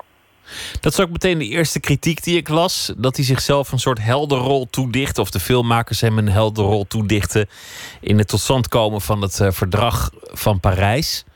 Van, van vorig jaar. Is dat de rechte kritiek? Ja. Mm, nou, als het gericht is aan de makers, dan misschien een beetje. Want die, die laat het wel heel erg doen dat het een soort Captain America is... die uh, met wat handige telefoontjes met zijn vrienden Elon Musk... en een, een andere baas van uh, zo'n uh, solar bedrijf... en dan India heeft gekoppeld en dat dan allemaal heeft opgelost. hij zelf, ja, god, hij heeft gewoon gedaan wat hij heeft gedaan... en dat heeft wel degelijk effect gehad. En hij had in feite ook niet zo heel veel over die documentaire te zeggen, zeggen de makers. Dus het is meer de keuze van de makers dan van hemzelf. Dus Jij dat, hebt, dat, dat, kritiek dat hij zichzelf op de borst slaat, dus dat lijkt me niet terecht. Je hebt El Gore ook uh, geïnterviewd. Hoe staat hij tegenover het klimaat op dit moment? Want je, aan de ene kant kan je zeggen, ja, het, het is nog steeds uh, reden voor paniek. Aan de andere kant kun je zeggen, er is heel veel gebeurd en heel veel gaande. Hoe, hoe staat hij, hij daarin? Is, als een echte politicus en als een echte gangmacher, zal ik maar zeggen, is hij optimistisch. Hij is bijzonder optimistisch, want de energiecrisis die kan, heeft hij doorberekend, opgelost worden. Gewoon met zonne-energie en windenergie. Als mensen er maar voor kiezen, dan uh, hoeft er dus veel en veel minder uitstoot uh, de lucht in. En dan, dan zal ook die opwarming afnemen. Dus hij is eigenlijk heel positief. Alleen dat hangt natuurlijk heel erg af van uh, of die wordt her en der wordt of, of er wordt meegewerkt. En dat lijkt met Mr. Trump niet het geval nu. Dus daardoor is hij weer ja, toch wel een beetje uit het lood geslagen. Maar het, blijft een politicus. Als je tegenover hem zit, dan, dan, dan stel je een vraag en dan uh, dan reageert hij even netjes, maar dan gaat hij gelijk weer door met zijn verhalen. Dan, dan, dan denkt hij, oh, dat is een mooie opening om dit te vertellen. Dat is een mooie opening om dat te vertellen. En alles wat hij vertelt snijdt hout, klinkt goed. En, maar is vooral heel erg optimistisch. Aanpakken en proberen op te lossen, dat is zijn credo. Maar toen hij de film tien jaar geleden maakte, stond de wereld er anders voor. In zoverre dat nu inderdaad Trump aan de macht is, die, die tot nu toe altijd gezegd heeft dat hij het onzin vindt. Een, een hoax heeft hij het genoemd. Klimaatverandering. Ja, ja, ik hoop niet dat we het over Trump gaan hebben, want op een of andere manier komt, duikt hij altijd wel op in wat voor gesprekken ook. Maar uh, ja, hij is... Uh, van hem moeten we het niet hebben, maar hij is niet alleen natuurlijk in Amerika. Dat denken we misschien wel eens. Maar er zijn heel veel uh, clubjes die zich nog met hem uh, en vooral tegen hem aan kunnen bemoeien. Dus, dus de, nee, maar, gelijk gezegd dat als hij wat roept, dat het dan uh, ook niet doorgaat. Nee, dat is waar. Maar vanuit El Gore, die de wereld overtrekt om aandacht te vragen... en, en komt uit een land dat, dat nou niet meer voorop loopt daarin. Je zou zeggen dat dan de, de moed hem toch wel een klein beetje in de schoenen moet zijn gezakt. Ja, daar zien we heel weinig van in de docu. Want dat, hè, dat, dat, laat hij ook niet zo graag zien natuurlijk. Maar af en toe wordt hij wel een beetje boos. En, en het moment dat hij uh, hoorde dat uh, Trump gekozen was... Dat, dat vergeleek hij met... Ik weet niet meer zo goed welke bokser dat ooit zei. Maar er was zo'n bokser die zei dan... Ja, ieder, ieder mens heeft een plan totdat hij op zijn bek geslagen wordt. dat, dat, geldt bij een bokser nogal. Dus, dus hij had een mooi plan en alles ging eigenlijk de goede kant op. En toen ineens kwam Trump, dus nu moet ik weer heel iets anders gaan verzinnen. En in dat stadium zit hij, zit hij nu een beetje. Maar ja, wat ik, wat ik van de... Ik weet eigenlijk niet eens hoe oud hij is... maar wat ik van de beste man uh, te zien heb gekregen... ja, hij is uh, bijzonder strijdbaar. En uh, als we de documentaire ook maar voor de helft geloven... dan krijgt hij nog steeds ontzettend veel voor elkaar. Een Inconvenient Sequel, de nieuwe film van Al Gore. Het vervolg op An Inconvenient Truth uit 2006. Vanuit Cannes, Gerhard Busch, dankjewel. Goeienacht. Heel goed, dankjewel. Hoi hoi.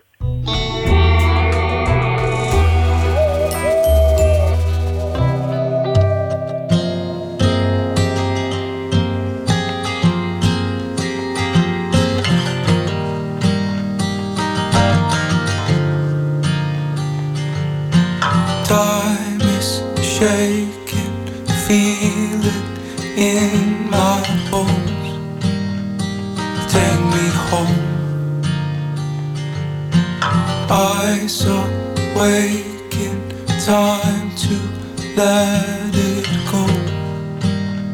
It's long, long ago. Scars keep running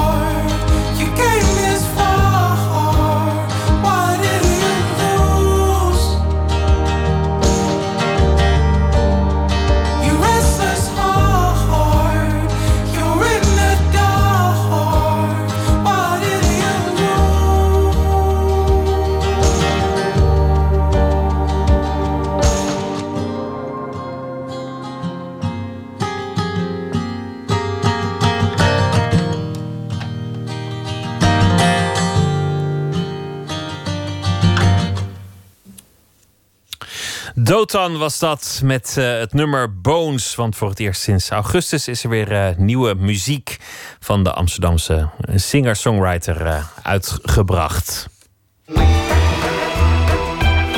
Nooit meer slapen.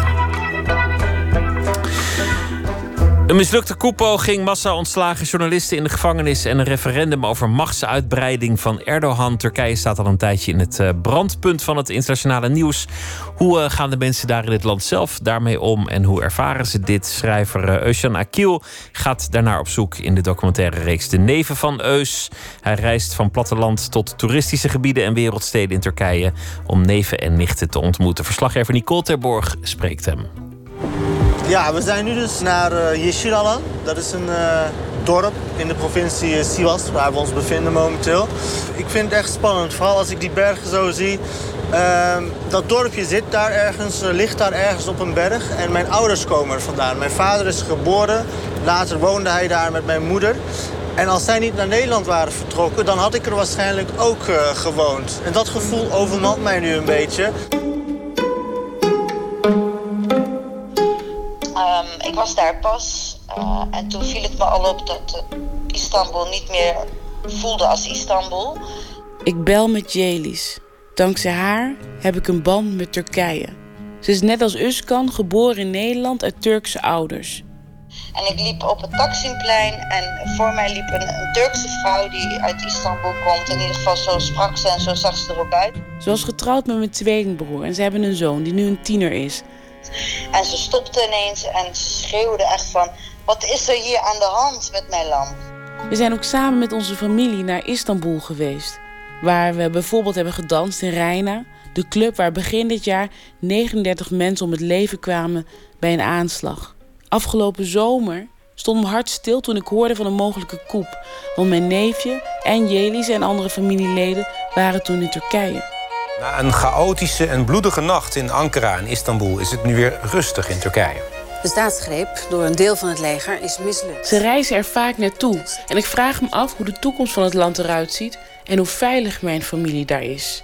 Ik hoop dat de ontmoeting met Eus en het zien van de documentaire reeks iets van mijn bezorgdheid wegneemt.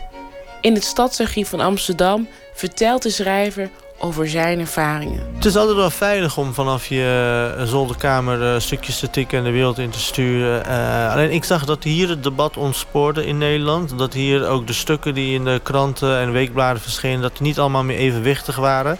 Het was allemaal gekleurd. En ik dacht van ja, is het niet veel beter om zelf daarheen te gaan? gewoon met je poten in de modder en gewoon laten zien van...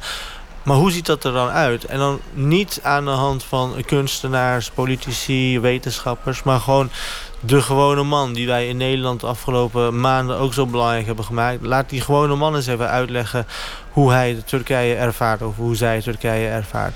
Dus dat was voor mij uh, uh, de belangrijkste drijfveer. Ik wilde dat beeld dat misschien toch scheef was, uh, ja, toch weer rechtzetten. Asfalt, bu suyu Masa köylerden gelip bu suyu götürürler. Doğal, doğal kaynak. Samen met zijn neef en dorpshoofd Mehmet drinkt Euskan in dit fragment water uit een bron in het dorp waar zijn ouders vandaan komen. En dat gesticht is door zijn overgrootvaders. In de neef van Eus reist de schrijver door Turkije en spreekt met verschillende generaties van zijn familie, van schoenmakers tot chirurgen. En de meeste van hen heeft hij nooit eerder gezien. Maar deze ontmoetingen hebben hem niet gelukkiger gemaakt. Nee, ik ben niet gelukkiger teruggekomen. Ik denk eerder ongelukkiger. Ja, want eh, de mensen met wie ik aanvankelijk niks had, namelijk die familieleden van mij, die zijn toch wel nader tot mij gekomen. En uh, kijk, de reden waarom ik geen huisdier wil, is omdat ik verdriet heb als hij dan waarschijnlijk uh, doodgaat, dat beest. En hetzelfde is met familie net zo. Ja, ik heb hier in Nederland helemaal geen familie wonen. Behalve mijn ouders dan en mijn ene broer. Die andere woont in Amerika. Dus ja, het hele idee dat je dan weer aan mensen gaat hechten... en uh, dat er dan een uh, grotere omgeving is dan je denkt... ja, dat is niet per se wenselijk eigenlijk... voor iemand die niet graag dat soort emoties toont. Verderop in het dorp woont mijn oom. Hij schijnt een eigen kantoortje te hebben, achter de moskee. Özcan sensin değil mi? En ik voelde me ook wel schuldig. Uh, ik heb echt uh, ons researchteam gevraagd van... ja, willen jullie echt even uitleggen hoe tv werkt... en dat ik niet te uitgebreid bij iedereen kan dineren en kan logeren... dat we een strak draaischema hebben en zo. Omdat ik, ja, ik voelde me heel erg bezwaard. En dat, dat blijft nu wel, want straks wordt die serie uitgezonden op televisie... kunnen reacties komen. Nou, ik hoop niet dat iemand door het programma in de problemen gaat raken. Want uh, er wordt wel redelijk openhartig gesproken over de problemen die er zijn. Dus uh, wij moeten dat ook heel goed uh, wikken en wegen in de montage. Dus in die zin heb ik er alleen maar meer ballast bij gekregen. En dat stemt niet per se gelukkig. Ondanks heel veel nationalistische uitingen hier van het huidige regime... is er ook nog steeds voldoende aandacht voor de stichter van Turkije, Atatürk... die toch voor net een iets andere invulling koos. Nou, wat ik vooral wil laten zien is dat wij niet moeten denken dat het een voldongen feit is dat Turkije richting uh, Iran of richting Saudi-Arabië gaat. Uh, juist in Turkije is het verzet groot. Nog meer dan hier onder de Turkse Nederlandse gemeenschap uh, bij ons. Dus wij moeten niet te veel ons beeld van Turkije baseren op wat er hier in Nederland gebeurt. Ja, er is heel veel mis daar. Er worden journalisten opgesloten. Ik vertelde net over die straten waar je niet meer uh, jezelf helemaal kan zijn en zo. Maar tegelijkertijd, ik ben niet de enige die dat benoemt. Ook in Turkije vinden ze dat ergerlijk. Ook in Turkije zijn daar debatten over. Alleen die geluiden worden helemaal niet gehoord bij ons. Het is meer alsof de Turkse samenleving heel slaafs achter een leider aanloopt. En dat is gewoon niet een juiste weergave van wat daar momenteel gebeurt. Mijn schoonzus heeft dat verzet ook gezien toen ze onlangs in Istanbul was en op zoek ging naar een toilet. Toeval kwamen we op een derde verdieping een geheime verzetsavond van allemaal studenten die theaterstukjes en liedjes en alles om op te komen voor waar hun in geloofden en eigenlijk in opstand te komen, maar op een hele mooie en creatieve kunstachtige manier. En wij kwamen per toeval daar binnenlopen en het was zo mooi om te zien hoe krachtig jonge Turken ook kunnen zijn. En jouw neef en nichten, ja, ze komen toch in verzet. Hoe ziet dat verzet er dan uit bij hem? Wat zie je?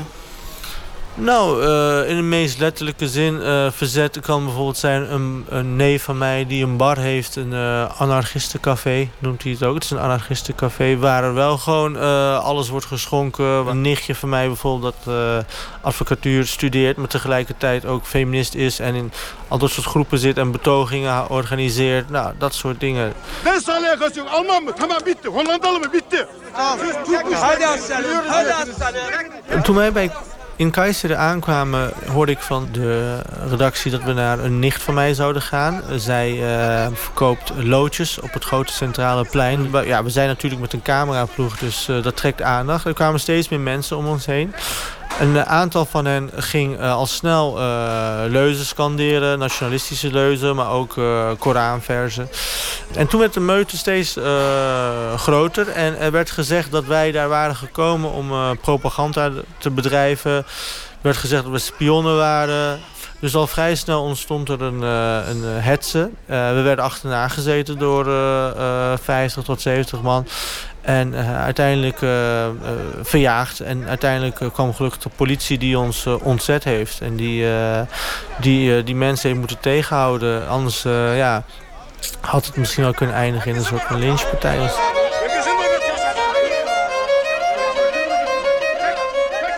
De tv-maker wil met de serie laten zien dat de Turkse bevolking alles behalve homogeen is. En dat een groot deel in opstand komt tegen de huidige veranderingen. Sinds het maken van het programma weet Eus dat hij zeker 309 nichten heeft. En waarom hij niet eerder op zoek is gegaan naar zijn roots. Onverschilligheid. Nee, je bent zo druk bezig met hier in Nederland uh, uit te zoeken hoe je nou hier moet bewegen, hoe je je moet positioneren en wat je moet doen om nou eindelijk een keer geaccepteerd te worden. Dat je helemaal niet denkt van ja, maar ik heb eigenlijk nog een identiteit. Uh, er zijn heel veel mensen met mijn achtergrond die daar trouwens wel mee bezig zijn en die wel het liefst drie keer per jaar naar Turkije gaan uh, als het kan. Uh, maar ik heb me echt ooit een keer voorgenomen om me te richten op Nederland.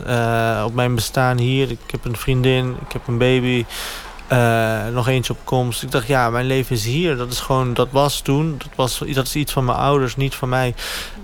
afgesloten, dacht ik. Maar als je er eenmaal bent, merk je dat dat niet zo werkt.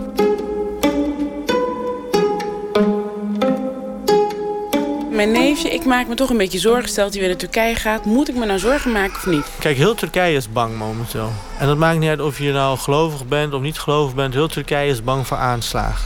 Uh, en dat heeft te maken met aanslagen van Koerden, aanslagen van IS, uh, uh, aanslagen van ultranationalisten. Dus ik ga niet zeggen dat het allemaal goed is in Turkije.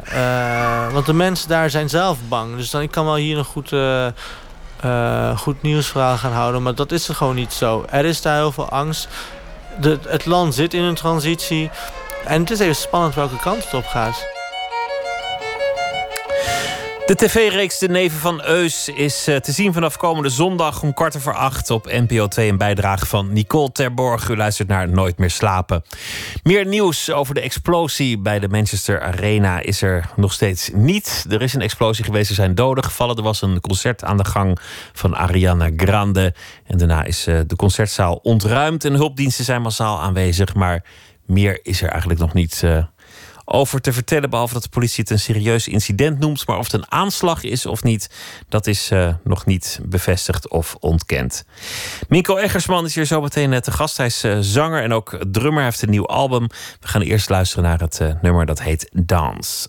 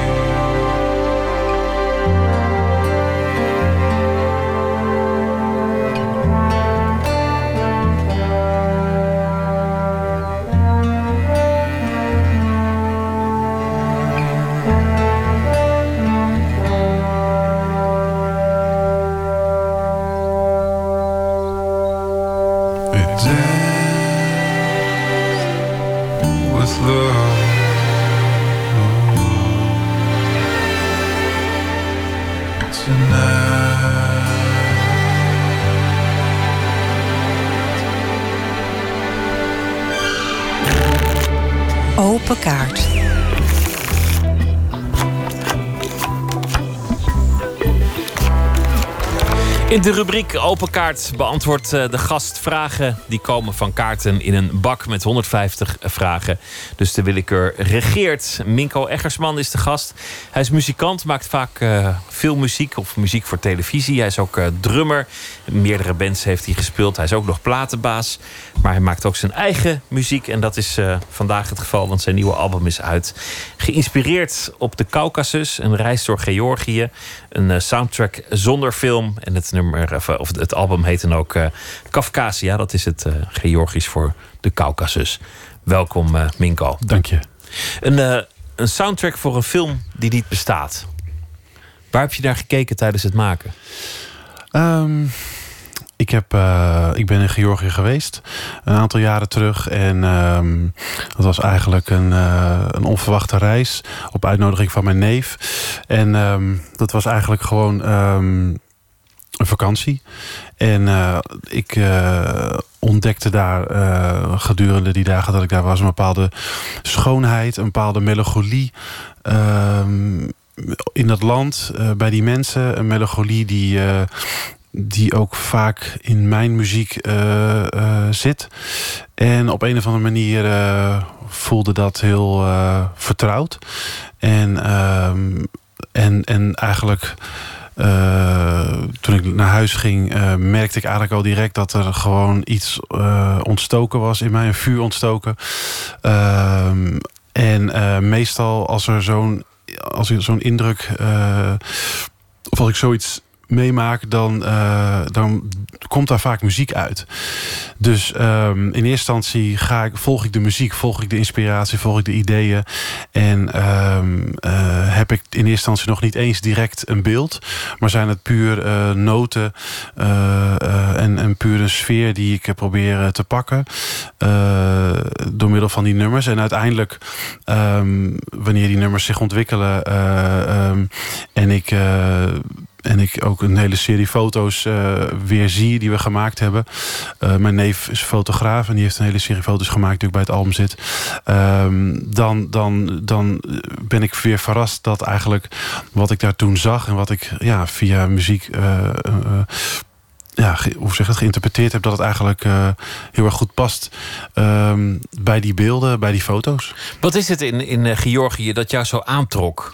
Waarom, ja. waarom heeft dat land jou zo geïnspireerd? Ja, goede vraag. Het land uh, is, was tot die tijd voor mij uh, redelijk onbekend. En voor de meeste mensen uh, die ik erover spreek. Maar wat ik uh, inmiddels heb ontdekt en wat ik daar heb ervaren... maar ook na het lezen van een aantal boeken... is dat het land eigenlijk door de eeuwen heen eigenlijk erg onderdrukt is. Door, door de Persen, door de Turken, door de Russen. En tot en met vandaag eigenlijk uh, ja, een groot conflict heeft met Rusland. Rusland uh, pikt nog wekelijks, of sorry, maandelijks stukken grens in. Dat, dus je ziet dan soms in documentaire dat dan een gezin woont in een dorp. En de volgende ochtend worden ze wakker en woont opa in Rusland. En er staat een groot hek tussen. En die kunnen hem niet meer bereiken. Of die kunnen alleen nog maar eten door, een, door, door, door, door, door het prikkeldraad aangeven. Nou, die, en een handelsboycott die heel ah, vernietigend was. Ja, handelsboycott. En tegelijkertijd um, zitten ze daar op een grens met Azië en Rusland. Onder hun zit Azerbeidzjan Turkije, Armenië, boven Rusland. En willen ze eigenlijk bij Europa horen. Wat ook al heel lang duurt en wat ook maar niet lukt. Um, dus daar is een bepaalde, er is een bepaald, bepaalde gebrokenheid. Um, die, die, die je daar echt ziet, letterlijk. Heel veel, heel, heel, veel armoede is daar geweest. Afgelopen tien jaar zie je wel dat dat heel erg uh, uh, uh, verbetert. Maar er is tegelijkertijd heel veel rijkdom aan cultuur. Uh, aan aan de, de, Georgisch-Orthodoxe kerk, de Russische invloeden. Uh, ook qua alleen al architectuur. Dus er is ook heel veel schoonheid in die gebrokenheid. En dat is iets wat mij altijd heel erg uh, aanspreekt en inspireert. Dat dus uh, en dat vind ik in, in muziek, in melancholie... dat dus dingen die, die imperfect zijn... Juist heel mooi kunnen zijn. En daarnaast de Caucasus zelf. Dat was echt voor mij een ontdekking... om, om eigenlijk ja, die, die bergen te zien in hun echte rauwe schoonheid. wat toch heel anders is dan wat ik ken... van bijvoorbeeld Oostenrijk en Zwitserland, met alle respect.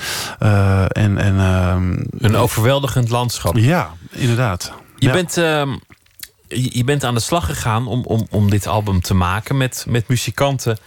eh, eigenlijk uit alle hoeken van, eh, van nou, alle hoeken van de wereld is, is wellicht wat overdreven, maar, maar een tamelijk internationaal gezelschap, tamelijk eclectisch gezelschap.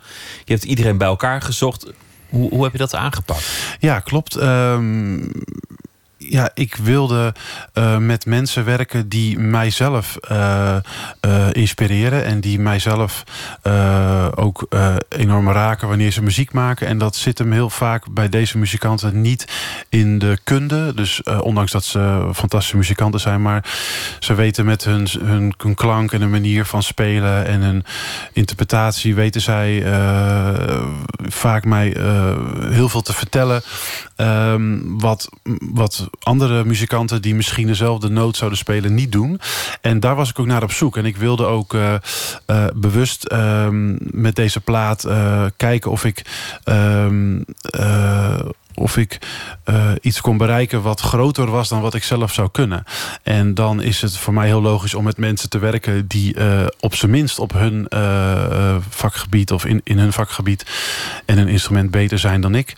Ehm, dus ik heb heel bijvoorbeeld met een organist uit Zweden gewerkt. Ehm, en dan heb ik een aantal orgelpartijen uitgewerkt thuis.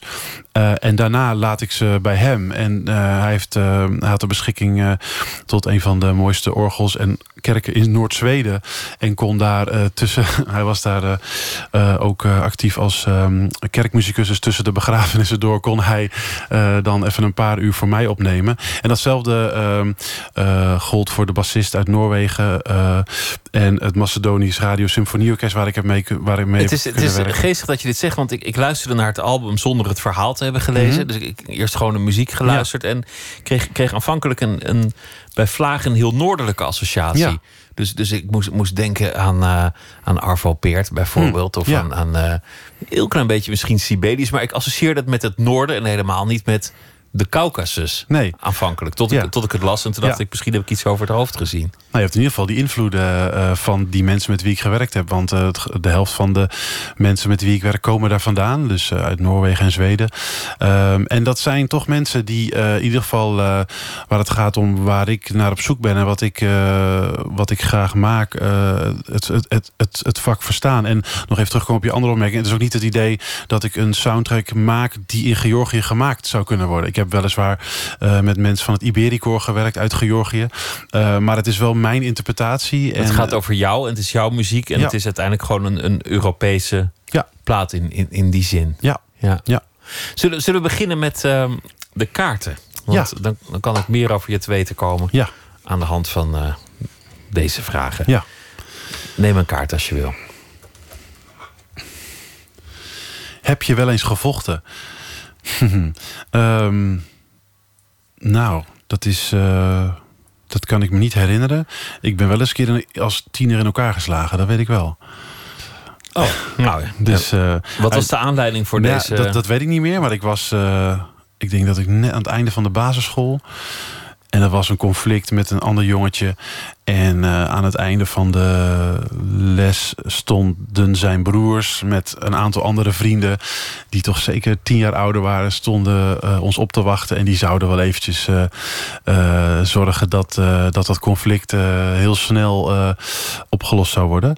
Dus ja, toen heb ik een paar rake klappen gehad. eh, huilend en blauw naar huis. Hoewel blauw was ik waarschijnlijk de volgende dag pas. En ja, ik, ik, ik was denk ik zo in shock. Ik heb nou, amper van me afgebeten. Misschien wel geprobeerd, maar ja, ook met, het waren er acht. Dus acht tegen één eh, is in mijn eh, optiek niet helemaal eerlijk. Je, je lijkt me geen vechter. Je, je, bent, Nee. je, bent, je hebt een Nee. tamelijk groot Ja. postuur. Je bent, Ja. bent lang en indrukwekkend. Als je een, een kwaaie blik had gehad, had je best een uitsmijter kunnen zijn. Maar die, die vriendelijke blik, die, eh, die verraadt al dat, dat er niet gevochten nee, gaat worden. Nee, sterk, sterk, sterker nog, het is, eh, ik, ik vind het ook heel moeilijk om eh, die energie op te wekken. om zo boos te zijn om iemand eh, een klap te verkopen. Maar ik weet wel dat. Ik, ik heb al eens een keer getennist en dan speelde ik tegen iemand. en die zei. Dat vond ik nogal bizar. Die zei: Ja, ja, je bent eigenlijk heel aardig. Maar toen ik je zag, dacht ik: Oh, dat is typisch een seriemoordenaar. Dus toen dacht ik: Goh, je hebt wel een interessant wereldbeeld. aardige, is- aardige mensen of seriemoordenaars. Maar inderdaad, ik ben groot. Eh, eh, Wat is een, een typische seriemoordenaar? Dat zou ik ook niet weten. Want het, het punt is juist dat het altijd mensen zijn van wie niemand het Precies. verwachtte. Precies. En het zijn vaak, zeker als je de films moet geloven, eh, gasten die jarenlang eh, hun gang kunnen, kunnen gaan. En die denk ik dan eh, ja, toch een iets minder eh, nou ja, opvallend uiterlijk hebben, als je het zomaar moet zeggen. Maar inderdaad, ja, nee, ik, ik, eh, ik eh, ben niet echt van, eh, van eh, geweld. Mooi. Laten we nog een, eh, Ja. een vraag eh, proberen. Wat is een persoonlijke daad van rebellie geweest? Zo. Ehm dan moet ik eventjes goed nadenken. Een persoonlijke daad van rebellie. Mm. Nou, er komt nu niet zo snel iets in mij op. Dus er zal vast wel wat geweest zijn. Ehm, ik kan er nu niet zo snel op komen. Nou, dat Nee. gaan we- Mag dat ook? Ja, dat mag ik ook, kan hem ook nog even in de week leggen. Eh, wie ga je uit de weg? Niemand. Niemand uit de weg gaan. Iedereen eh, tegemoet treden. Ook niet die, die oud-klasgenoten. Nee hoor, laat ze maar komen. Welk boek had je graag zelf geschreven? Ehm,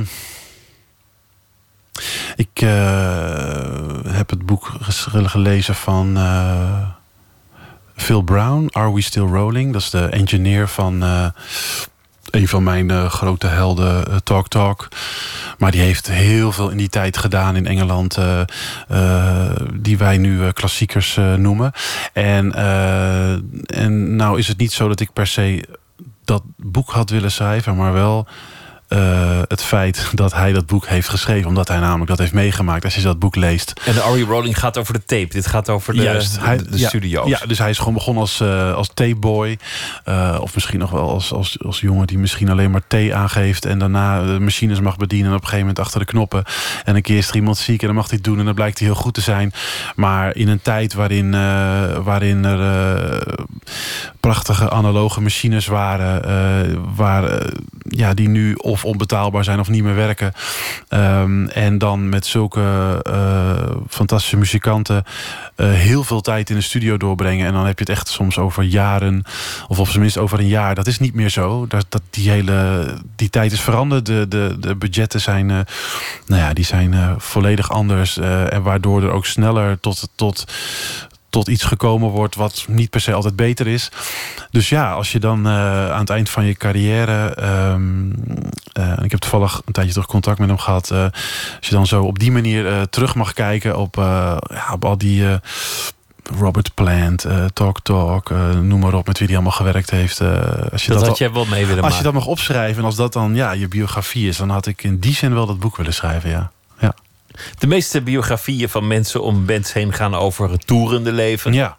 Drank, drugs en, Ja. en, en wilde vrouwen. Maar eh, dit gaat over de, de wat saaiere studioperiodes... waar, waar natuurlijk Ja. veel meer interessants gebeurt. Ja, nou dat zeg je goed. Het is inderdaad, eh, denk ik, voor de gemiddelde mens saaier. En Maar voor mij is het eh, super interessant. Ik vind dat juist eh, een van de leukste aspecten van de muziek. Om eh, in een bubbel te zitten met een aantal mensen op zoek naar, eh, eh, naar, de, juiste, naar de juiste tonen, naar de, naar, het juiste, naar de juiste manier om je verhaal eh, te kunnen vertellen. En als je daar dan eh, eh, zoveel tijd en zoveel prachtige instrumenten en apparatuur voor hebt, dan, ja, dan kan ik dat alleen niet, kan ik dat alleen maar wensen dat dat. Dat het nog jouw- leven was. Nou, ja, het is mijn leven in die zin wel. Ik maak veel muziek, ik neem veel op. Maar ja, gewoon hè, met die. met In die tijd, In met die die tijd, mensen. precies, precies. Ja. Ehm, wie of wat bezorgt jouw plaatsvervangende schaamte? Ehm, ja, ik, nou, het eerste waar ik aan denk, en ik weet helemaal niet of het nou leuk is om dat te zeggen, maar dat, omdat ik het net voorbij eh, hoorde komen, ook ja, Trump. Het is, is heel cliché, maar dat vind ik echt. eh, dat ik af en toe. Ik vind het. Ik, vind, ik ben het helemaal niet erg als mensen ehm, andere ideeën hebben. Sterker nog, ik vind het heel interessant. En eh, ik kijk veel documentaires op dat gebied. Van anders denken, de andere werelden, boeken ook prima. Maar als je dus eh, eh, hypocriet bent en eerst, eerst dit zegt en dan daar, da- daarna iets anders zegt. En daar vooral ook mee. nou ja, dat vooral heel hard schreeuwt. En, en gewoon maar hoopt dat gewoon heel veel mensen niks checken. En dat maar gewoon voor waar aannemen. Dat, daar zou ik me echt kapot schamen. En, en, en dus ja, plaatsvangende schaamte en vooral irritatie ook. Eh, maar ja, het is natuurlijk. Ik, ik, ik ken eigenlijk weinig mensen. mm, ik ken er wel een paar, maar weinig die, eh, die er anders over denken. Maar zelfs de mensen die op hem gestemd hebben, die, die, eh, daarvan, daarvan zijn er nu al ja. een aantal die zeggen: ja, dit is niet waar ik op had gehoopt. Ja. Want zelfs, zelfs als, als je een, een heel groot voorstander van hem bent, dan moet je toch, denk ik, inmiddels toegeven dat niet alles vlekkeloos loopt. Nee, en dan is het op zich uh, het eerste wat je dan kan zeggen. Ja, het is bij elke president zo dat de eerste honderd dagen uh, uh, heus niet alles, alle grote dingen waargemaakt worden. Maar dit is wel heel extreem. Dat hij gewoon, gewoon in sommige gevallen gewoon, gewoon helemaal draait en het tegenovergestelde wordt. Dus dat zelfs de poging niet eens gedaan wordt. Dus ja, dat, ik kan me voorstellen dat die mensen die om gestemd hebben. Ja, zich uh, enigszins bedrogen voelen. Wat in praktijk nog niet het geval is trouwens. Hè? De, zijn achterban is nog altijd trouw aan hem en, uh, en nog zeer overtuigd. Ja, het schijnt. Minko Eggersman, dank je wel. en heel veel succes met, met het album en alles wat er verder gaat gebeuren. Bedankt. Dank je wel.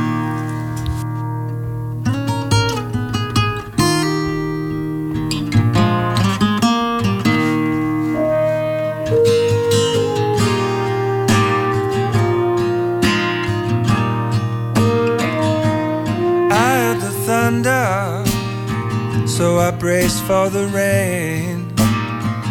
Tried to get out from under, but all was in vain. There's no way to stop it from pouring. Buckets down from the sky when you're stuck in a cloud, and there's nowhere to go but down.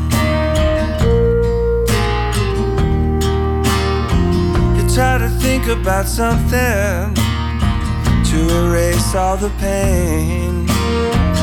But you come up with nothing, all your thoughts are in vain. When your spirit is falling, plummeting from all high, all you see is the ground. When there's nowhere to go but down.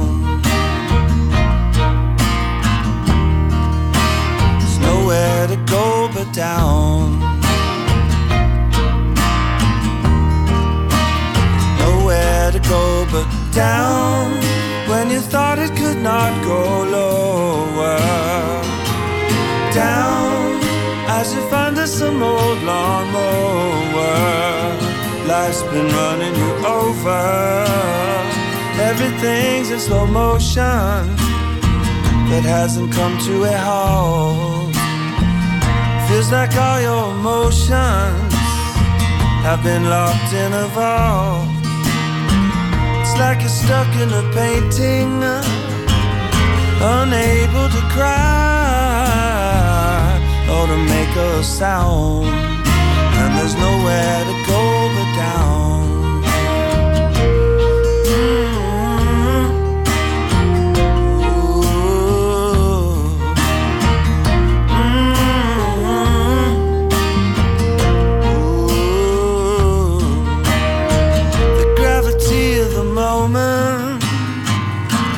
You out of the sky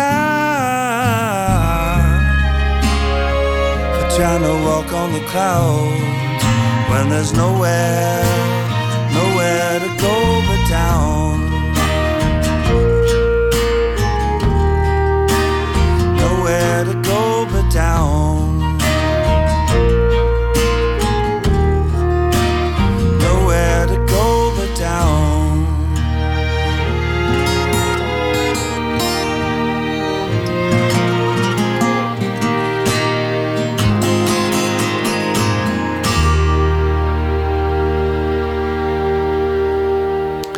Ron Sexsmith was dat van het eh, nieuwe album The Last Rider, het nummer Nowhere to Go. En 4 juni zal hij optreden in eh, Paradiso Noord in Amsterdam.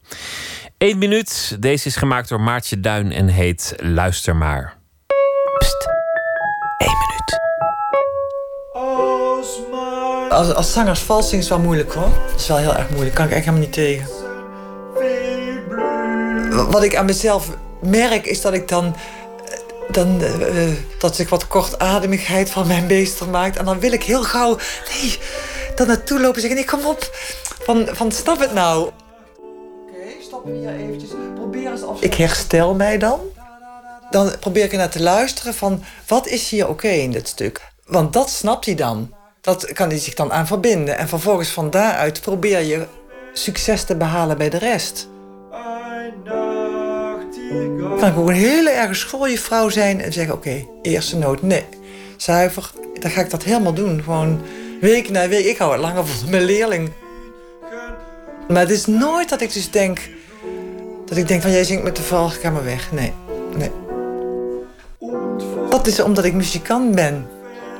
Wij voelen hoe muziek is en wij zijn er onlosmakelijk mee verbonden. En we zeggen eigenlijk in de ander, in jou is het ook. Luister maar, want het is er.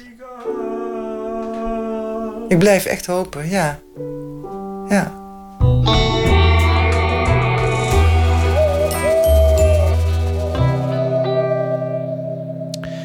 Schrijver Thomas van Aalten zal deze week elke nacht een verhaal maken bij de dag die achter ons ligt. Goeienacht, Thomas. Goeienacht. Leuk dat je deze week elke nacht uh, mag aanhoren met een, uh, met een verhaal of een beschouwing. Wat, uh, wat heeft je vandaag geïnspireerd? Vandaag is de stra strafzaak begonnen tegen drie zwembadmedewerkers. Ehm, nou ja, dat verhaal ken je waarschijnlijk van, de, van dat meisje, Salam, van negen jaar, Syrische vluchteling. Die is twee jaar geleden verdronken in een zwembad in Renen. En nou ja, morgen horen we waarschijnlijk welke, welke straf tegen hen wordt uitgesproken. Welke straf eist. En dat heeft jou een, uh, aan het schrijven gezet? Ja, ik vind het heel droevig nieuws. En waarschijnlijk heeft dit, uh, dit nieuwsfeit heeft alleen maar, uh, nou, laten we zeggen, verliezers. Hè. Zelfs al krijgen deze mensen een, zekere straf. Dan, dan helpt dat nog steeds niet het verdriet weg te nemen. Maar vandaag zag ik iets heel, heel droevigs ook op social media optreden. Namelijk dat mensen zeiden van ja, eigenlijk is het, uh, is het toch een beetje de schuld van de, van de ouders. Hadden ze haar maar niet moeten laten meegaan naar een zwemuitje. Nou, dat vond ik zo pittig. Dat is wel heel erg uh, cynisch. En daar heb ik eigenlijk mijn verhaal over geschreven. Het gemak waarmee mensen oordelen over uh, twee ouders die hun kind zijn verloren. En denken dat het hen past om daar een mening over te hebben en te ventileren in het openbaar. Exact. Ga je gang. Cynisch. U bent misschien niet met veel, maar ik denk wel aan u. Twee jaar geleden verdronk Salam, een negenjarig meisje uit Syrië... in een zwembad in Renen tijdens zwemles op school. Nu worden er misschien schuldigen aangewezen. En eigenlijk vindt u dat onzin. Het was de taak van de ouders, toch? Ze hadden Salam misschien niet moeten mee laten gaan naar een zwemuitje. Dat hoorde ik vanavond nog zeggen tegen uw tafelgenoot. Nee, niet flauw zijn radio aanlaten. Ik wil dat u naar me luistert. Salam overleeft een lange vlucht met haar ouders vanuit Syrië naar hier. Uw buren, die nu aan de andere kant van de muur liggen te slapen... vinden misschien wel dat die mensen hier naartoe mochten komen. En u bent daar niet zo zeker van. En net als u trouwens denk ik aan de vreedheid van de situatie. De onwrikbare last waarmee badmeesters en leerkrachten te maken hebben gehad. Hoe vertel je het haar ouders zo twee jaar geleden na het ongeval. En hadden ze dit kunnen voorkomen? We zullen dat laatste nooit weten, maar één ding weet ik wel. U bent cynisch als u zegt dat haar verdrinking niet had plaatsgevonden als haar ouders nooit naar Nederland waren gevlucht. Ik vertel u dit, ze was er nu eenmaal. Ze was hier eventjes, ze had nu nog kunnen leven als iemand iets had gedaan. Het had voorkomen kunnen worden. Maar dat u zo'n cynisch mens bent, had helaas niet voorkomen kunnen worden. Thomas van Aalten, dank je wel. Misschien moeten we ook uh, minder aandacht geven aan, aan uh, commentaren die we lezen op social media. Ja, ik, er wordt zoveel onzin op social media beweerd. Ja, je kunt je druk blijven maken over wat, wat wie nou weer heeft beweerd. Ja, nee, maar ik moest deze toch even meenemen. En uh, morgen zal ik het geheel social media-loos een verhaal schrijven. Deze bereikte je en deze raakte je en uh, dit kon je niet uh, negeren. Thomas, dankjewel. Goeienacht. Tot morgen. Dank. Ray Charles, de meester van de soulmuziek... met uh, een van zijn grote hits, I Can't Stop Loving You.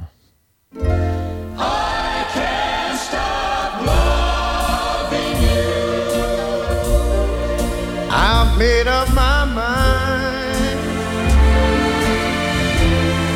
to live in memories of the lonesome time.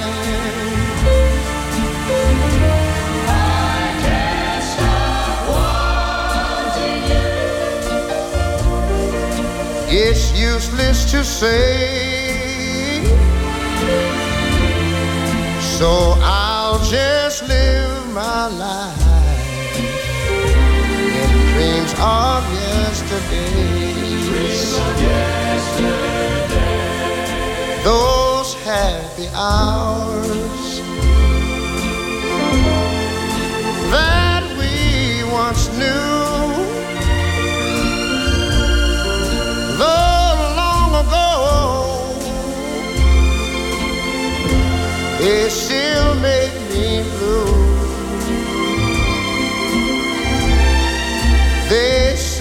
that time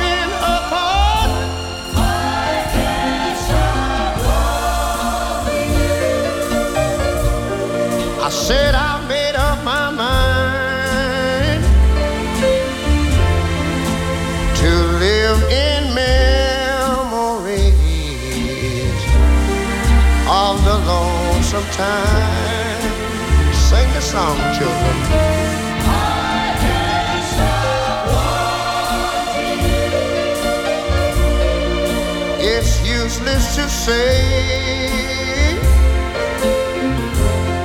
So I'll just live my life of dreams of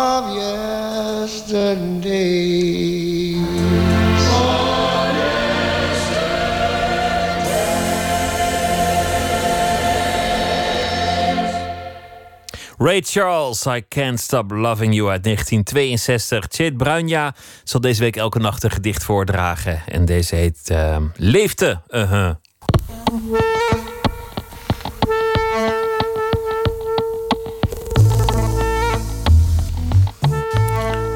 Leefde. eh. huh? Leefde eh, te midden van mensen die hij als voorsteden benaderen zag. Uh-huh. Liet steden bouwen die leegliepen. De enige bewoners zijn schoonmakers, bouwvakkers en winkeleigenaren in lege centra. Kordaat zijn bewoners. Kordaat zijn bewoners, trots op hun mouwopstropers, werkuur afromers, voor hun reis naar huis van vele woningen met een deurtje. Deur van speculaas. Dit gedicht dat staat in mijn meest recente vijfde Nederlandse bundel eh, Binnenwereld, Buitenwijk, Natuurlijke Omstandigheden. En het werd geïnspireerd door een stuk dat ik las in de NRC En dat ging over eh, China, waar op sommige plekken hele steden worden gebouwd... eh, waar niemand eigenlijk is gaan wonen. Dus het zijn soort mislukte steden. En dan zit er bijvoorbeeld een heel eh, winkelcentrum staat daar. En ja, in dat winkelcentrum zitten misschien dan nog twee winkeltjes... en er loopt nog een conciërge rond. Dus die schoonmakers die zitten daarin. Dus er wordt voor de schone schijn... wordt, wordt die winkel toch nog in stand... of dat hele centrum wordt eigenlijk nog in stand gehouden... En ik vond dat wel een grote schoonheid hebben. Dus ik begon daar een beetje mee te klooien. Ik probeer eigenlijk spreektaal eh, eh, in dat gedicht te proppen. Dat is het uh-huh. Het is een beetje vervelend. Het is ook helemaal de bedoeling. Het is een soort eh, desinteresse die ik me heel goed kan voorstellen... bij mensen die zo'n eh, leeg stadje of lege winkelcentrum... de vloeren moeten boenen. Leefde. Uh-huh. Leefde uh-huh, te midden van mensen die als voorsteden benaderen. Zag. Uh-huh liet steden bouwen die leegliepen. De enige bewoners zijn schoonmakers, bouwvakkers en winkeleigenaren in lege centra. Uh-huh. Kordaat zijn bewoners. Kordaat zijn bewoners trots op hun mouwopstropers, werkuurafromers. Voor hun reis naar huis van vele woningen. Met een deurtje, deur van speculaas. Chet Branja was dat met uh, Leefte. Uh-huh. Morgen zal hij weer een uh, gedicht voordragen. Dan is hier uh, te gast Hugo Borst. Hij heeft een grote hit gehad met zijn boek Ma. En het vervolg is Ach, moedertje. En daar komt hij morgen over vertellen. Voor nu een hele goede nacht.